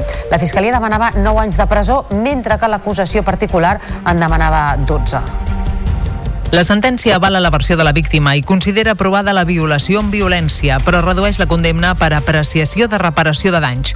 Alves va pagar una indemnització de 150.000 euros en la fase d'instrucció. L'Audiència de Barcelona, però, no accepta l'estat d'embriaguesa com a atenuant. L'advocada de la defensa de la víctima, de Dani Alves, Esther Garcia, ha anunciat que recorrerà la sentència i ha criticat que es transmeti a la societat que amb diners es pot reduir la pena.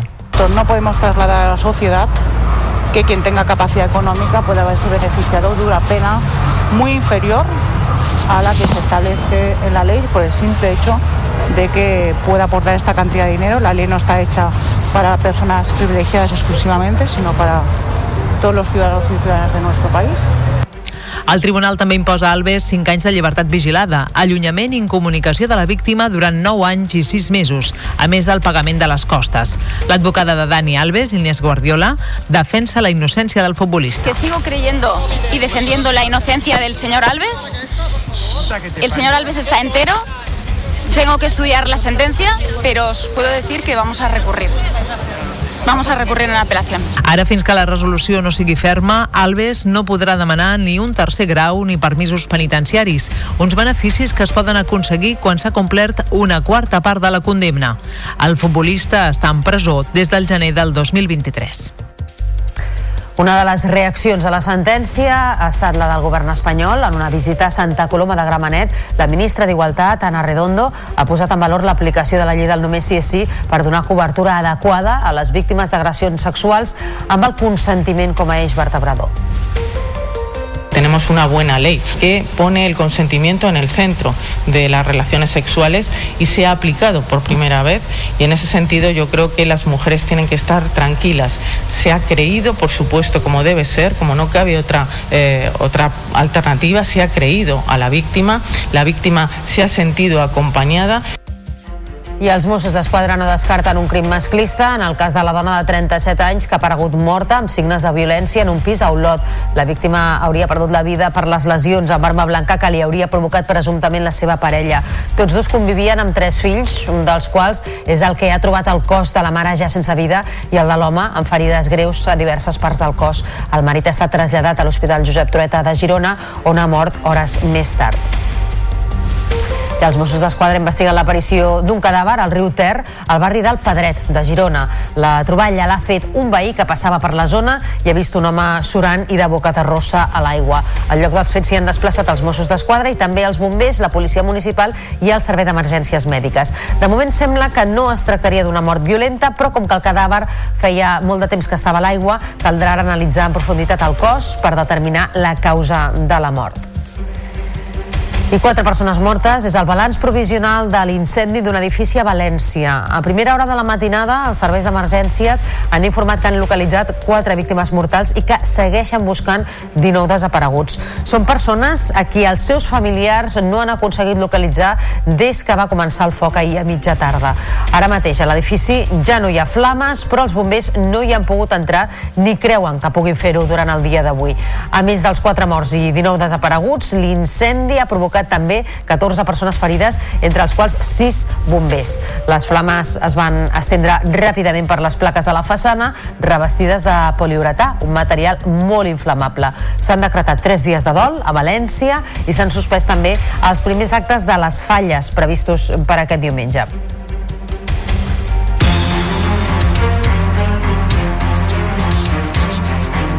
L'inici del curs escolar serà el 9 de setembre per a infantil, primària i ESO. La consellera d'Educació, Anna Simó, ho ha comunicat a la mesa sectorial i al Consell Escolar. D'aquesta forma, Educació endarrereix la data d'inici del curs, tal com li havien demanat membres del Consell Escolar. Ens ho explica l'Anna Ruiz.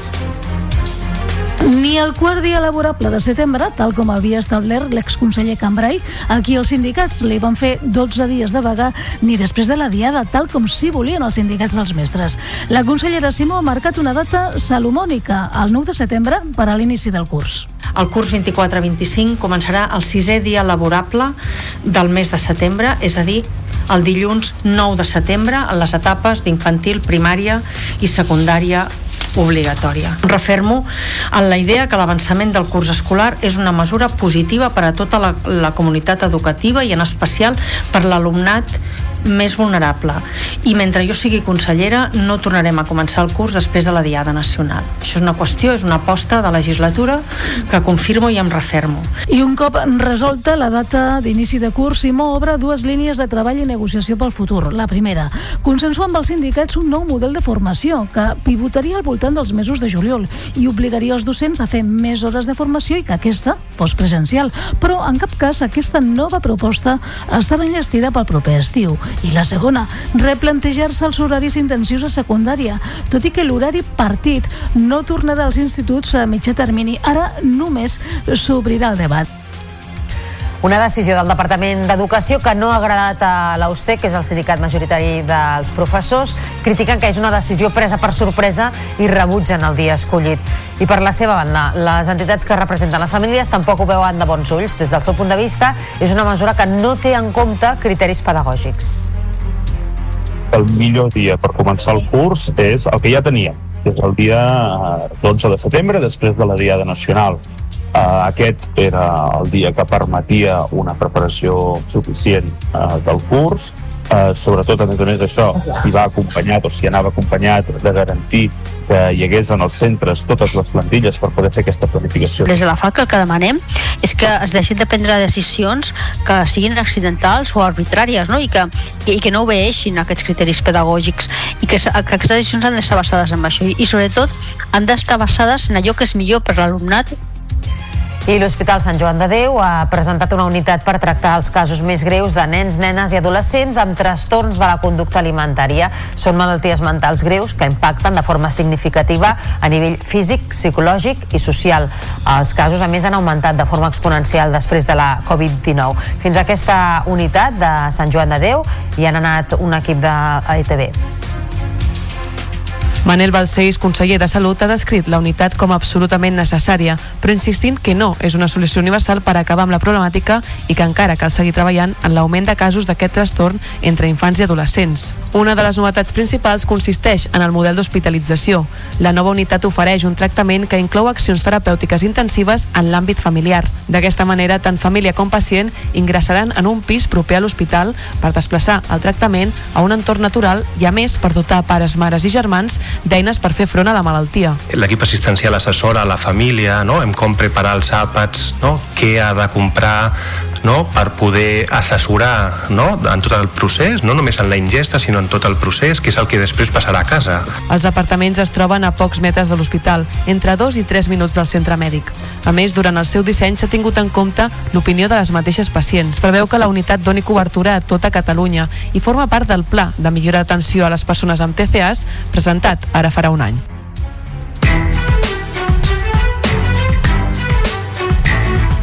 El Parlament ha constatat la inacció del govern en matèria climàtica i la manca de planificació, previsió i també una mala gestió de la situació de la sequera.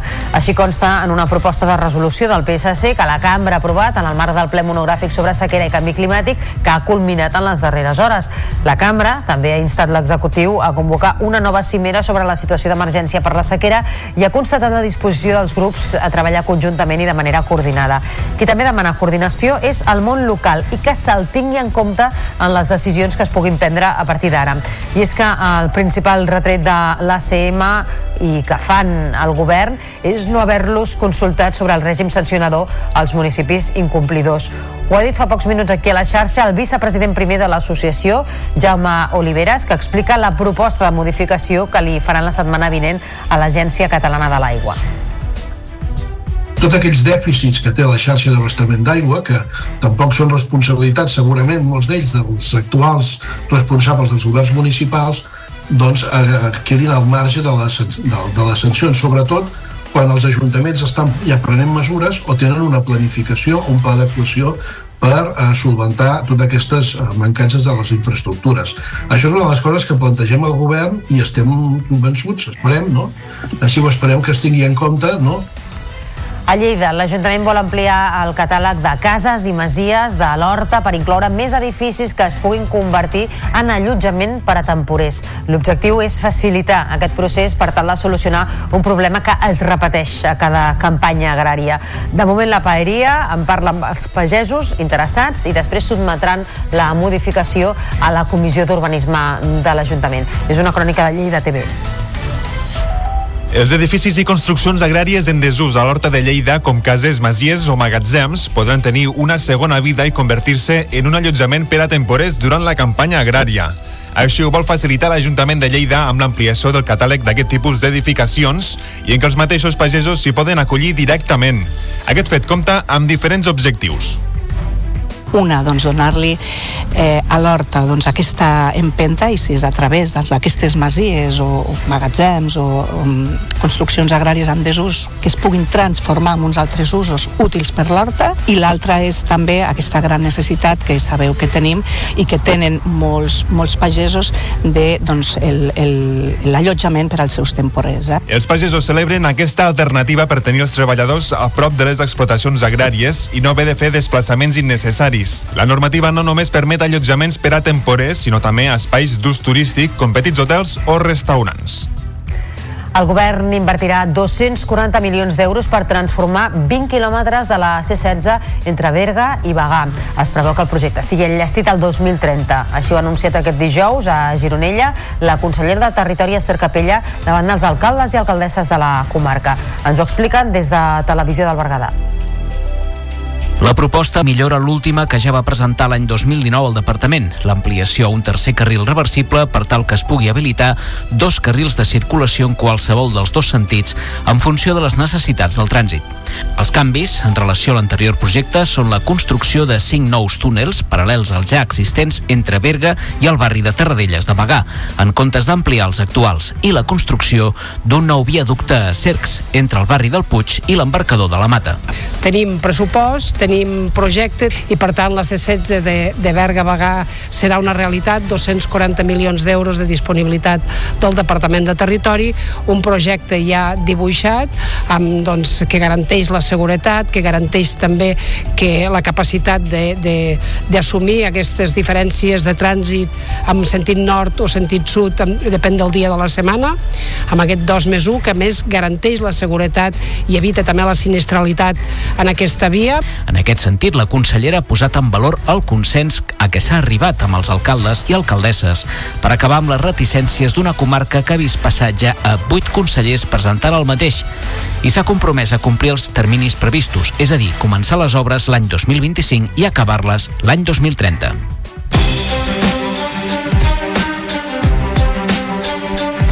Nou gir en l'intent de relacionar Carles Puigdemont amb Tsunami Democràtic. La Fiscalia del Suprem conclou que no hi ha indicis per investigar l'expresident per terrorisme i demanar arxivar la causa.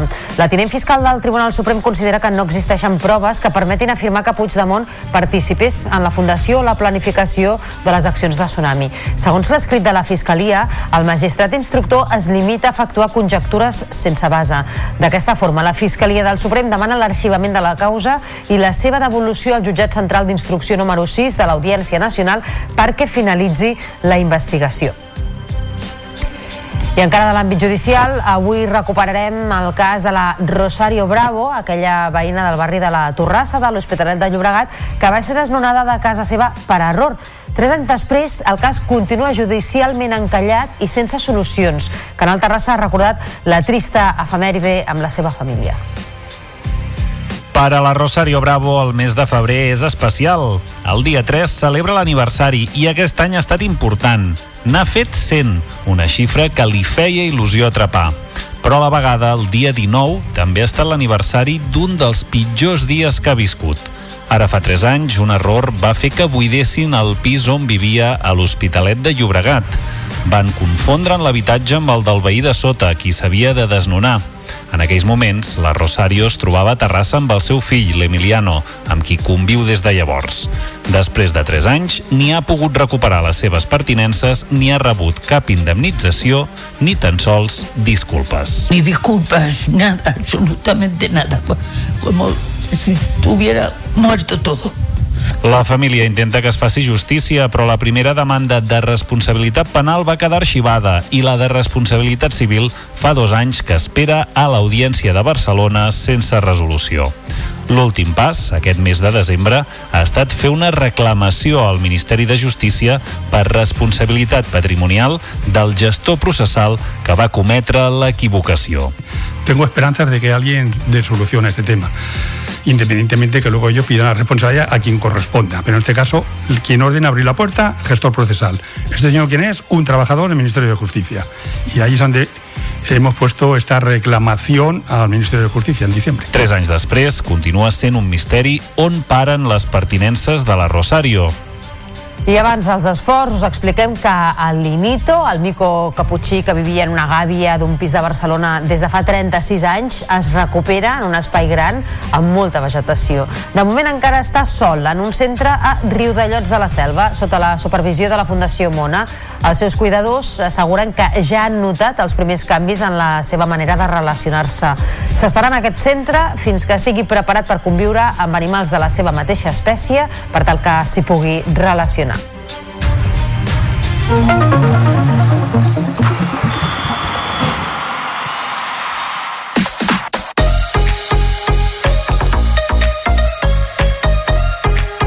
Ricky Rubio ha tornat a la pista després de 10 mesos de baixa per salut mental. El del Masnou va sortir com a titular en el partit de la selecció espanyola davant Letònia, classificatori per a l'Eurobàsquet de l'any vinent.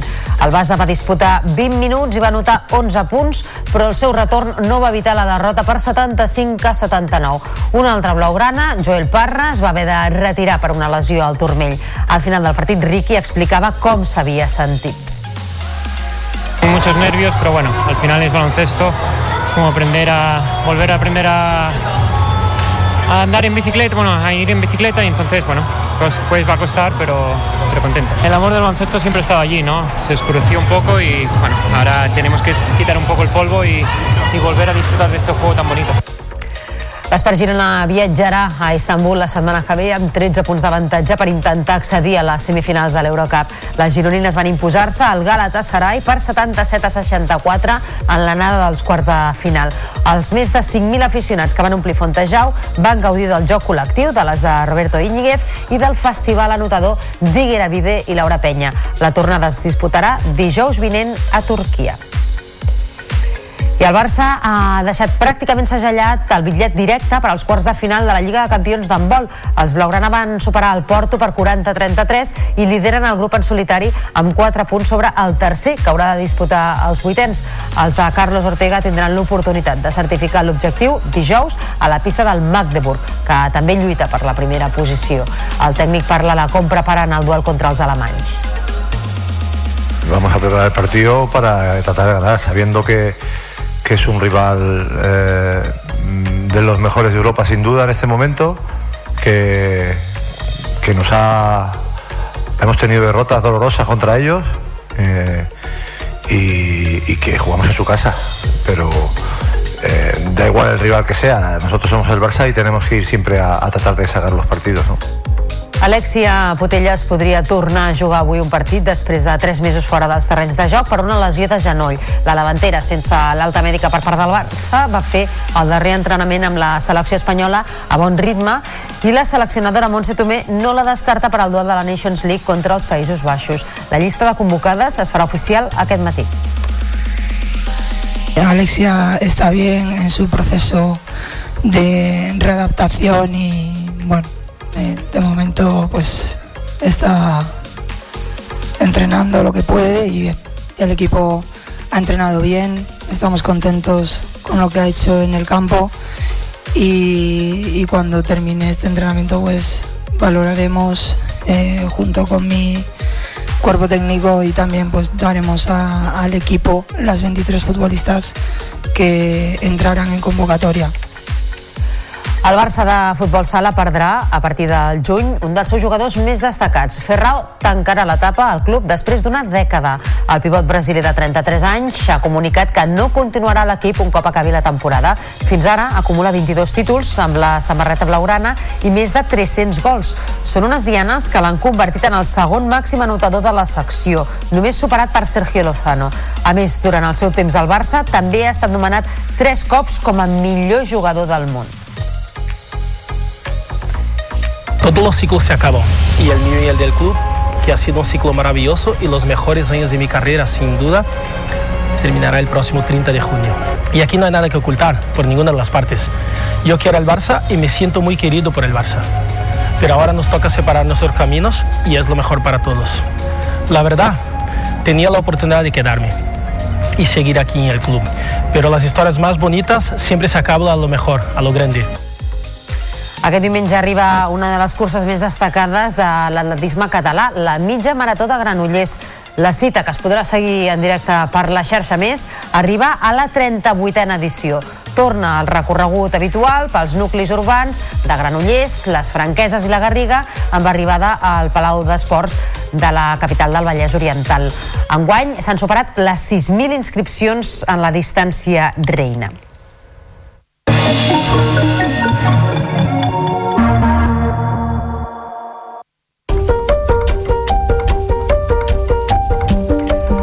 Una exposició conjunta del MANAC i del Museu del Prado, el Mirall Perdut, analitza la relació entre els cristians i jueus i conversos durant l'edat mitjana. Des d'aquest divendres, obres d'art produïdes entre els segles XIII i XV mostren com es van fer servir les imatges de culte per estigmatitzar els jueus o qüestionar la sinceritat dels nous cristians. Ens en parla el David Navarro. La mostra arriba després de rebre prop de 100.000 visitants al Museu del Prado, amb llibres, escultures, retaules i fins i tot joies provinents d'una trentena d'institucions nacionals i internacionals, es divideix en cinc àmbits, des de l'intercanvi cultural entre jueus i cristians fins a la persecució de la Inquisició, passant per l'estigmatització dels hebreus i els recels davant dels conversos. El comissari de l'exposició, Joan Molina Figueres, ha explicat que la mostra parla d'un moment clau de la nostra història. Aquesta exposició no és una exposició sobre el món jueu, és una exposició sobre el món cristià, perquè eh, en aquesta exposició només hi ha tres obres jueves. El que parla és d'aquests cristians que van definir-se, que van definir la seva identitat, perquè és una exposició que ens parla d'identitat, a partir d'aquesta eh, imatge que van anar definint de jueus i de conversos. L'exposició que arrenca aquest divendres i s'estendrà fins al 26 de maig ha generat un fort interès dintre del món acadèmic, fins al punt que la Universitat de Princeton, als Estats Units, va dedicar una jornada d'estudiar el catàleg de la mostra. El grup valencià La Fumiga presenta el seu tercer àlbum Tot està per fer, Principis, és una cançó de pop festiu carregat d'electrònica on La Fumiga anima a viure les relacions al màxim des del principi. Nostra amenaça i que s'entere el peitat, que flipe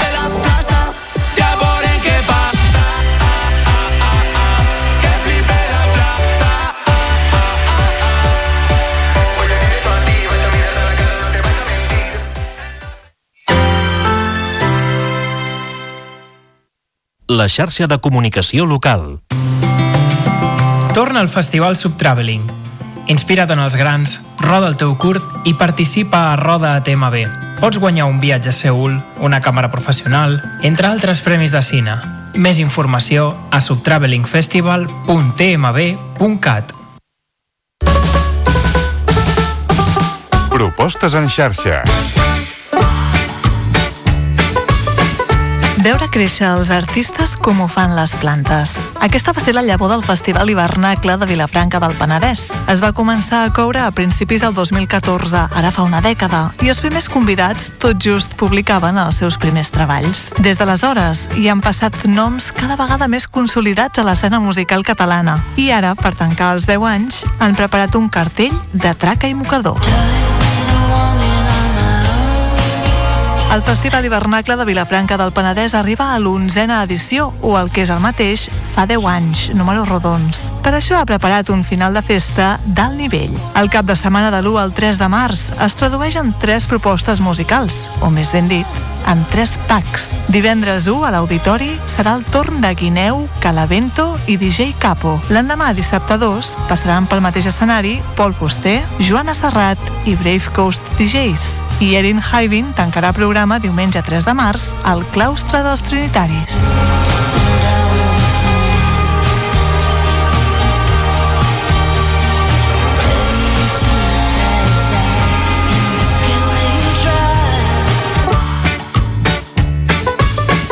De l'1 al 3 de març, onzena edició del Festival Hivernacle a Vilafranca del Penedès. Podeu consultar-ne totes les propostes a www.hivernacle.bravecoast.net.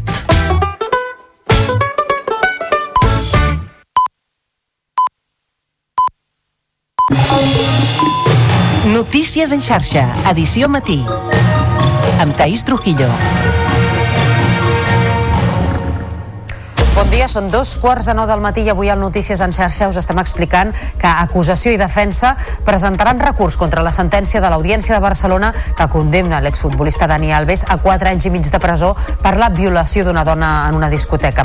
El tribunal també li ha imposat llibertat vigilada durant 5 anys i 150.000 euros d'indemnització.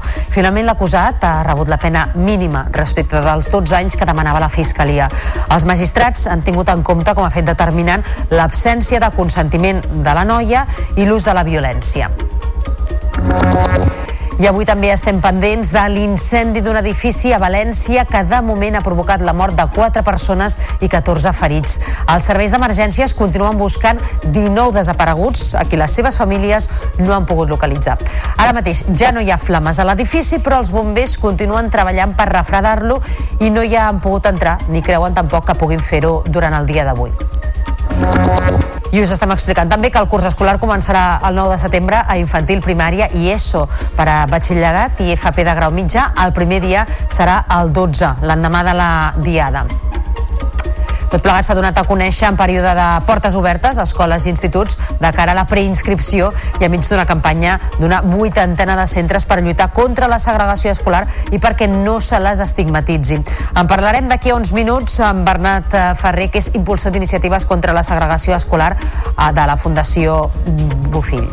I en esports, Ricky Rubio ha tornat a la pista després de 10 mesos de baixa per salut mental. El del Masnou va sortir com a titular en el partit de la selecció espanyola davant Letònia. El Basa va disputar 20 minuts i va anotar 11 punts, però el seu retorn no va evitar la derrota per 75 a 79. I com cada divendres, acabarem el Notícies en xarxa fent un repàs a les novetats de la cartellera de cinema. Aquesta setmana s'estrena La Estrella Azul, un film sobre el retrobament amb la seva vocació d'un roquer espanyol a l'Argentina dels anys 90. També arriba Secretos de un escàndalo, que uneix a la pantalla les actrius Julianne Moore i Natalie Portman. I Londres és l'escenari de Desconocidos, un drama fantàstic molt emocionant. Notícies en xarxa, edició matí. Acusació i defensa recorreran la sentència dictada per l'Audiència de Barcelona que ha condemnat l'exfutbolista del Barça, Dani Alves, a 4 anys i mig de presó per l'agressió sexual a una jove al desembre del 2022 en una discoteca de la capital catalana. La Fiscalia demanava 9 anys de presó, mentre que l'acusació particular en demanava 12. La sentència avala la versió de la víctima i considera aprovada la violació amb violència, però redueix la condemna per apreciació de reparació de danys. Alves va pagar una indemnització de 150.000 euros en la fase d'instrucció. L'Audiència de Barcelona, però, no accepta l'estat d'embriaguesa com a atenuant. L'advocada de la defensa de la víctima, de Dani Alves, Esther Garcia, ha anunciat que recorrerà la sentència i ha criticat que es transmeti a la societat que amb diners es pot reduir la pena. No podemos trasladar a la sociedad que quien tenga capacidad económica pueda haberse beneficiado de una pena muy inferior a la que se establece en la ley por el simple hecho de que pueda aportar esta cantidad de dinero. La ley no está hecha para personas privilegiadas exclusivamente, sino para todos los ciudadanos y ciudadanas de nuestro país. El tribunal també imposa a Alves 5 anys de llibertat vigilada, allunyament i incomunicació de la víctima durant 9 anys i 6 mesos, a més del pagament de les costes. L'advocada de Dani Alves, Inés Guardiola, defensa la innocència del futbolista. Que sigo creyendo y defendiendo la inocencia del señor Alves. El señor Alves está entero. Tengo que estudiar la sentencia, pero os puedo decir que vamos a recurrir. Vamos a recurrir en apelación. Ara, fins que la resolució no sigui ferma, Alves no podrà demanar ni un tercer grau ni permisos penitenciaris, uns beneficis que es poden aconseguir quan s'ha complert una quarta part de la condemna. El futbolista està en presó des del gener del 2023.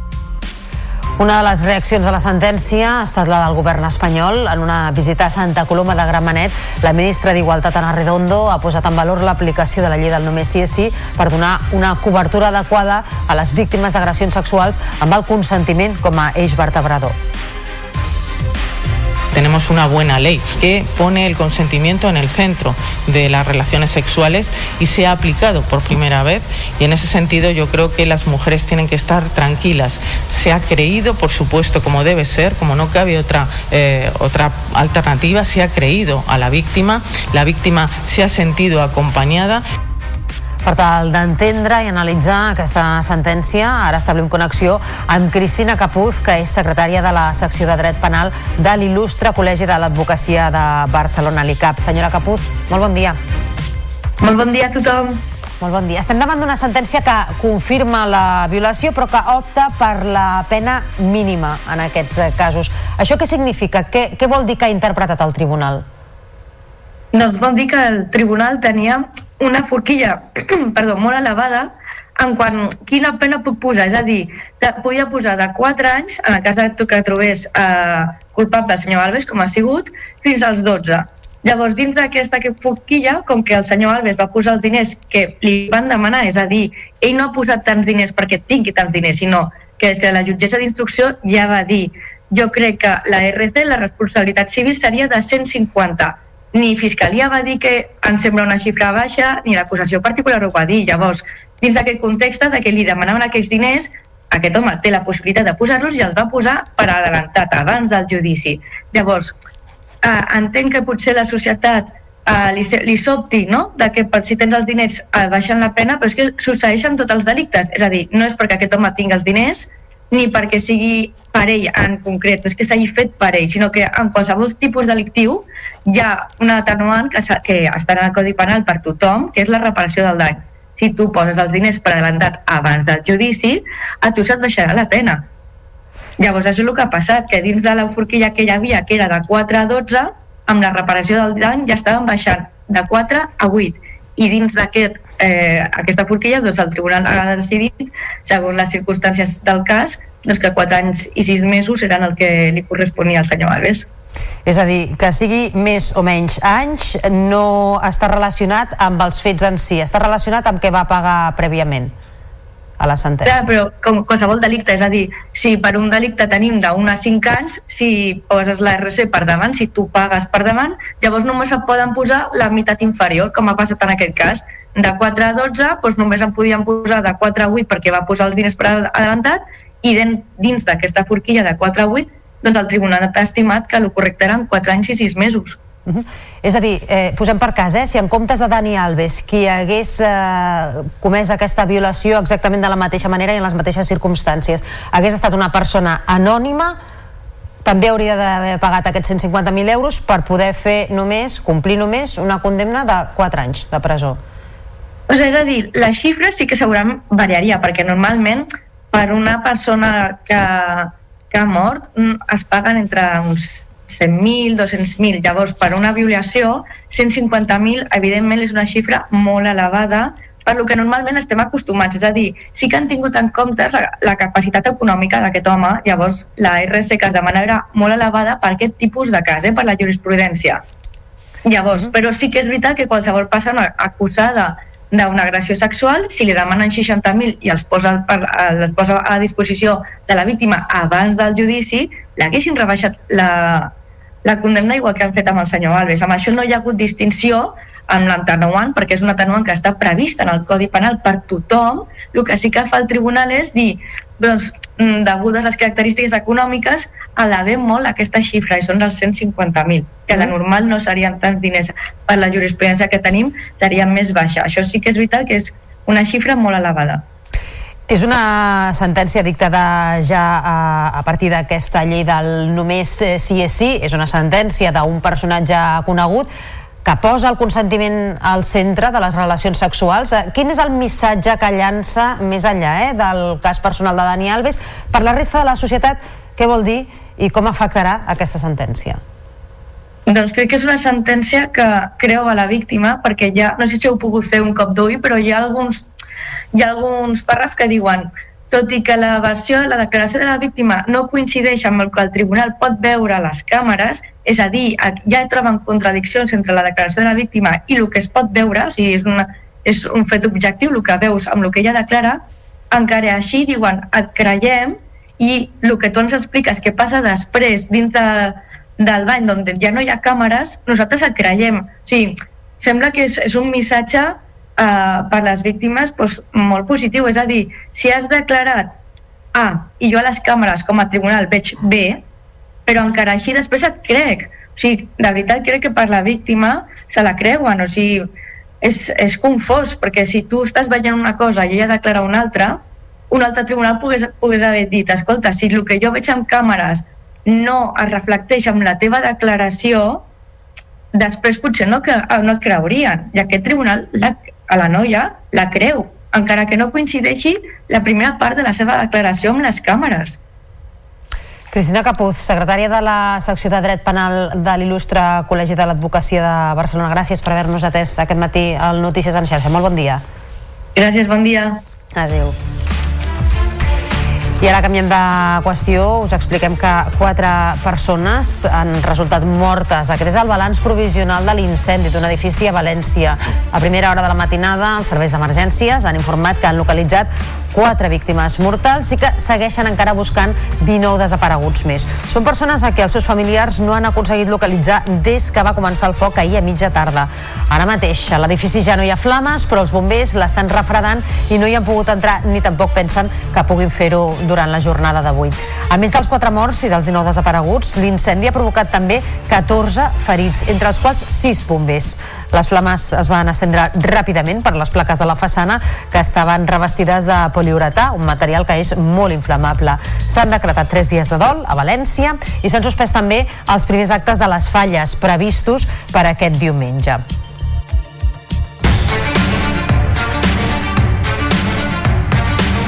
L'inici del curs escolar serà el 9 de setembre per a infantil, primària i ESO. La consellera d'Educació, Anna Simó, ho ha comunicat a la mesa sectorial i al Consell Escolar.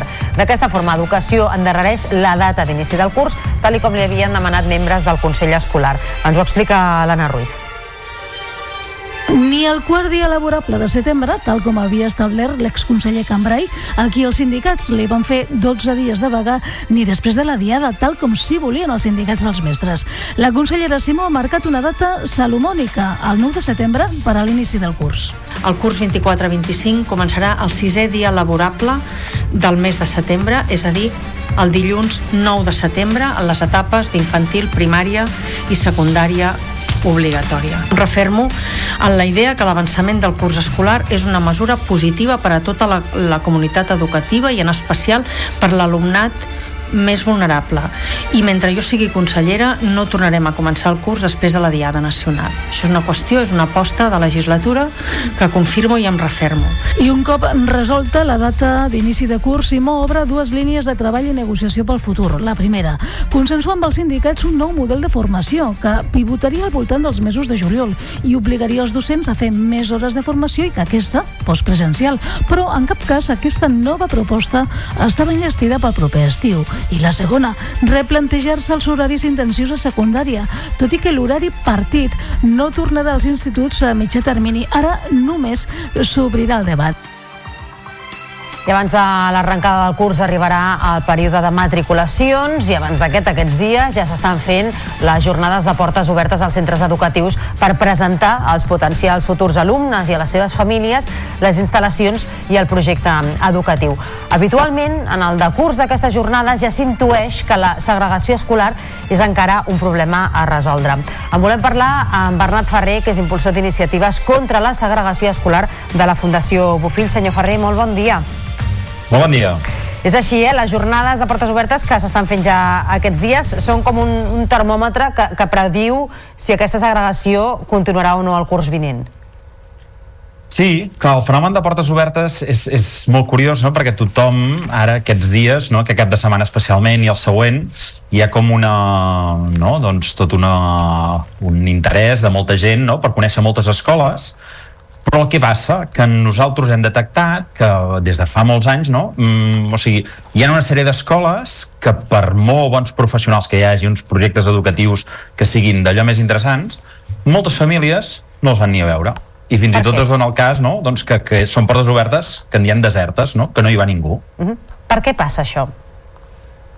Bé, és, és, és un fenomen doncs, bueno, que té moltes, moltes causes, no? Um, hi ha moltes modes, no? Sempre en una, en una ciutat es posa de moda una escola, es posa de moda una altra, però casualment sempre doncs, doncs a tot arreu n'hi ha alguna que, que passa doncs, uh, per sota del radar, no? que diem que són les escoles silenciades, que hi van menys famílies doncs, doncs, um, de classe mitjana, amb recursos culturals, no? que puguin fer doncs, soroll a dins de la, la pròpia ciutat, dins del propi barri, i això fa doncs, bueno, que aquelles escoles vagin quedant com, com oblidades, no? Mm, justament doncs, això són les escoles que, que, que acumulen doncs, més famílies doncs, amb, amb pocs recursos uh, econòmics, um, i això, diguéssim, afecta directament a la segregació escolar. I una miqueta, doncs, això és el que posàvem de manifest amb aquesta campanya. És a dir, acaben sent escoles on la gent no hi va per elecció, sinó perquè els hi toca, com si diguéssim. Ningú escull aquelles escoles i acaben derivant a famílies vulnerables.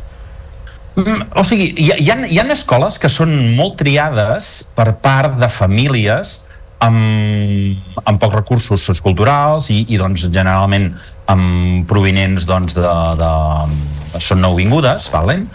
I, I què passa doncs, amb aquestes escoles? Que, que al final la dinàmica de classe acaba sent doncs, d'una homogeneïtat doncs, molt determinada valent? I, i diguéssim hi ha molts nanos que tenen doncs, um, que no tenen cap company de classe doncs això, doncs, que, que, que, que el seu pare sigui mestre, que el seu pare sigui um, bomber, que el seu pare sigui um, notari no?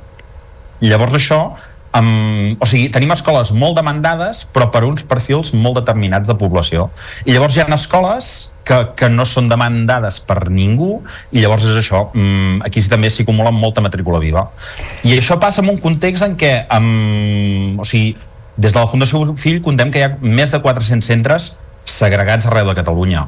No tenim 400 barris segregats. Um, això què vol dir?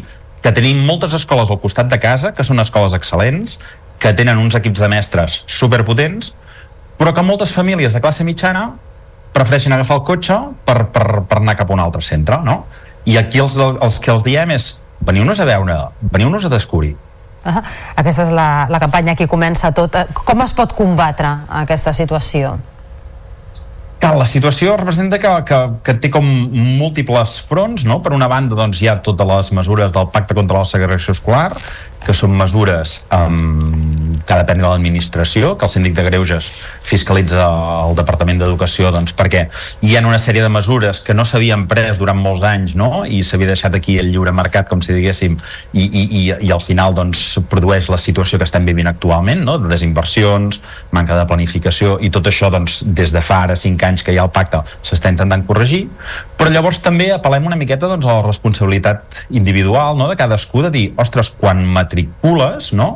amb un gest tan micro doncs acaba tenint també un impacte macro amb la societat que estem construint i llavors és allò de dir, si tots plegats no, som molt conscients que Catalunya és un país d'acollida no? vam fer la gran manifestació de volem acollir doncs de dir, ostres, doncs, doncs mirem a veure què podem fer en el nostre dia a dia um, per, per, per ser tots plegats una sola um, comunitat Bernat Ferri, impulsor d'iniciatives contra la segregació escolar de la Fundació Bofill. Gràcies per atendre'ns aquest matí al Notícies en xarxa. Molt bon dia. Gràcies a vosaltres. Adéu. Notícies en xarxa. Informació al detall.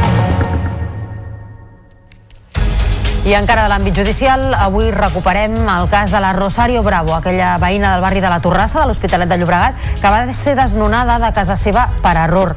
Tres anys després, el cas continua judicialment encallat i sense solucions. Canal Terrassa ha recordat aquesta trista efemèride amb la seva família. Per a la Rosario Bravo, el mes de febrer és especial. El dia 3 celebra l'aniversari i aquest any ha estat important. N'ha fet 100, una xifra que li feia il·lusió atrapar.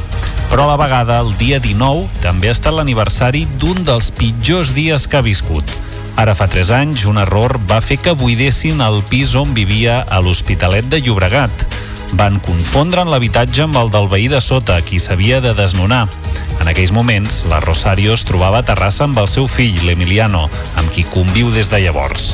Després de 3 anys, ni ha pogut recuperar les seves pertinences ni ha rebut cap indemnització ni tan sols disculpes. Ni disculpas, nada, absolutamente nada. Como si estuviera muerto todo.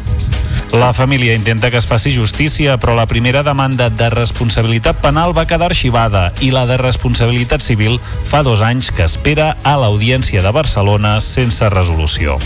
L'últim pas, aquest mes de desembre, ha estat fer una reclamació al Ministeri de Justícia per responsabilitat patrimonial del gestor processal que va cometre l'equivocació. Tengo esperanzas de que alguien dé solución a este tema independientemente de que luego ellos pidan la responsabilidad a quien corresponda. Pero en este caso, quien ordena abrir la puerta, gestor procesal. ¿Este señor quién es? Un trabajador del Ministerio de Justicia. Y ahí es donde hemos puesto esta reclamación al Ministerio de Justicia en diciembre. Tres anys després, continua sent un misteri on paren les pertinences de la Rosario.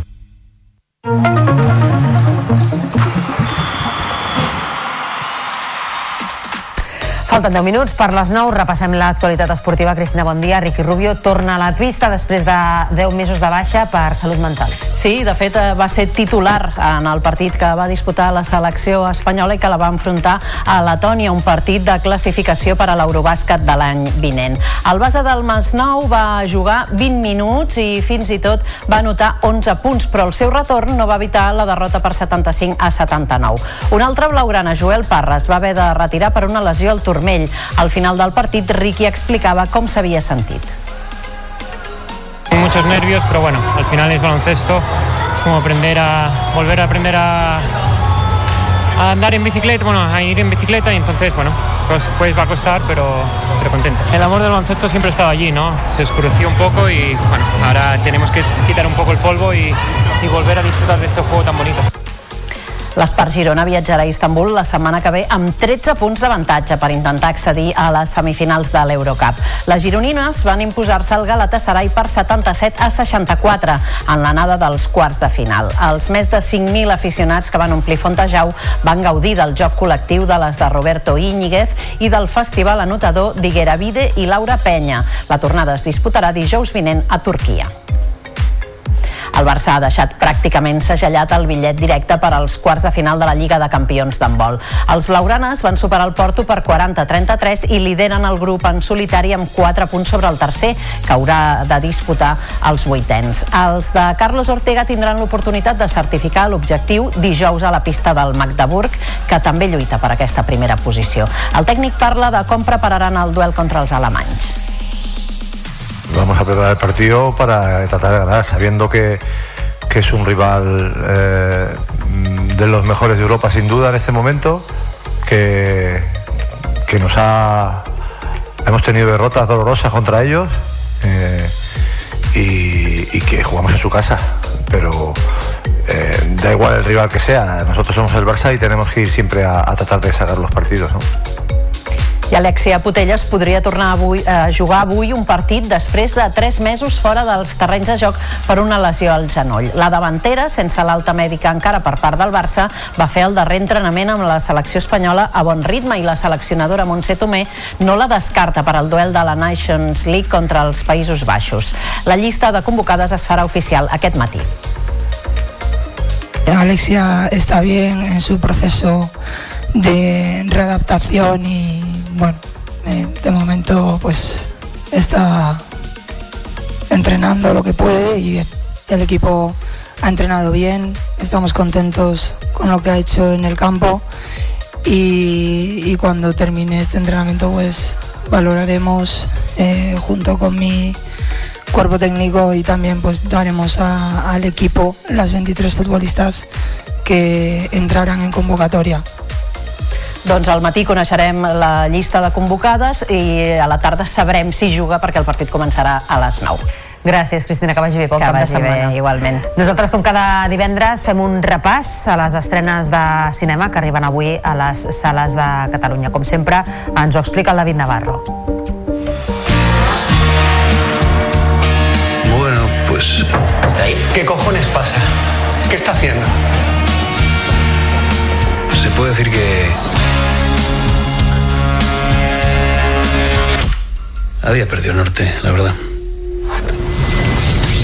Y me fui a buscarlo al sur. El protagonista de La Estrella Azul és en Mauricio, un roquer espanyol que es vol retrobar amb la seva vocació i deixar enrere les addiccions recorrent l'Amèrica Llatina. A l'Argentina coneixen Don Carlos, un ancià músic molt reconegut en un mal moment econòmic. El mestre l'acollirà i de la seva trobada naixerà un duet estrany amb tota la pinta de ser un fracàs comercial. Y bueno, decisión a la vuelta, muchos me han acusado de traidor. Kimi, sí. Ah, ¿Cómo eliges los papeles? Hmm. Me gusta buscar un personaje que sea difícil de entender. A Secretos d'un escàndalo, Natalie Portman fa d'una actriu que vol interpretar el paper de la protagonista d'un escàndol que va sacsejar el país 20 anys enrere. Una dona adulta que va iniciar una relació amb un adolescent. Per aconseguir-ho, viatja per passar un temps amb la dona, interpretada per Julianne Moore, i la família que va formar amb el seu amant. La seva visita interferirà en la relació de la parella. ¿Y cuáles eran tus expectativas? Que mis hijos me quisieran y que mi vida fuera perfecta. Algo ingenuo. Soy muy ingenua. Siempre lo he sido. Hola. Hola. Te he visto mirándome desde la calle. Supongo que no sales con nadie. Nunca te veo con nadie. Desconocidos arrenca quan, una nit, l'Adam es troba casualment amb un veí al seu apartament de Londres. L'encontre posarà cap per avall la seva vida quotidiana. A mesura que sorgeix una relació entre ells, a l'Adam li preocupen els records del passat i torna a la seva ciutat natal i a la llar de la seva infància, on els seus pares semblen estar vius, exactament com ho estaven el dia de la seva mort, 30 anys enrere. Y yo. Juntos.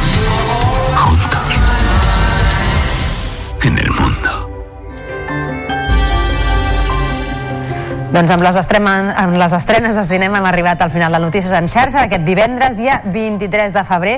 Com sempre, us desitgem un bon cap de setmana i ens retrobem dilluns a primera hora del matí amb tota la informació de territori. Que vagi molt bé. Adéu.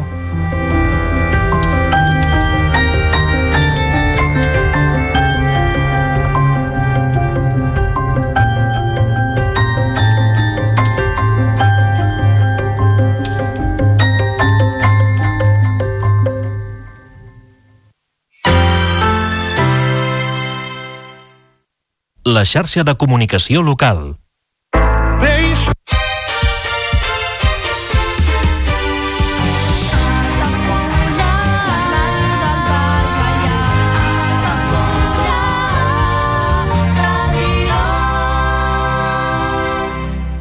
Ja coneixes les propostes que t'ofereix el Club Marítim Altafulla? Vine i descobreix totes les nostres activitats. Sortides en caiac o pa del surf, cursos de vela per a totes les edats. No t'ho perdis. Club Marítim Altafulla. Obert tot l'any i per a tothom. Comunions 2024. Dates ja disponibles amb sales privades, jardí, pàrquing privat i la millor gastronomia. Més informació i reserves al 977 65 11 55 i a comercial arroba altafullamarotel.com o al web altafullamarotel.com. Les teves celebracions familiars a l'Altafulla Mar Hotel.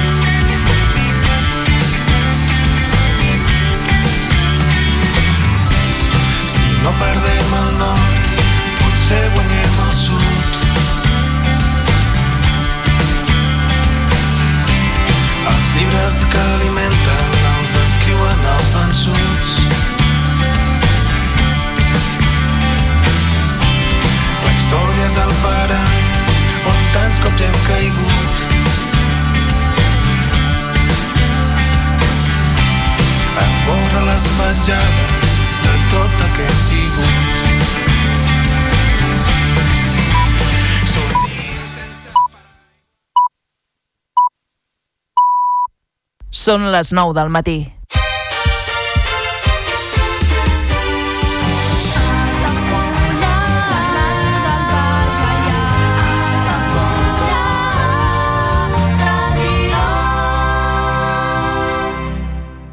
Altafulla Ràdio.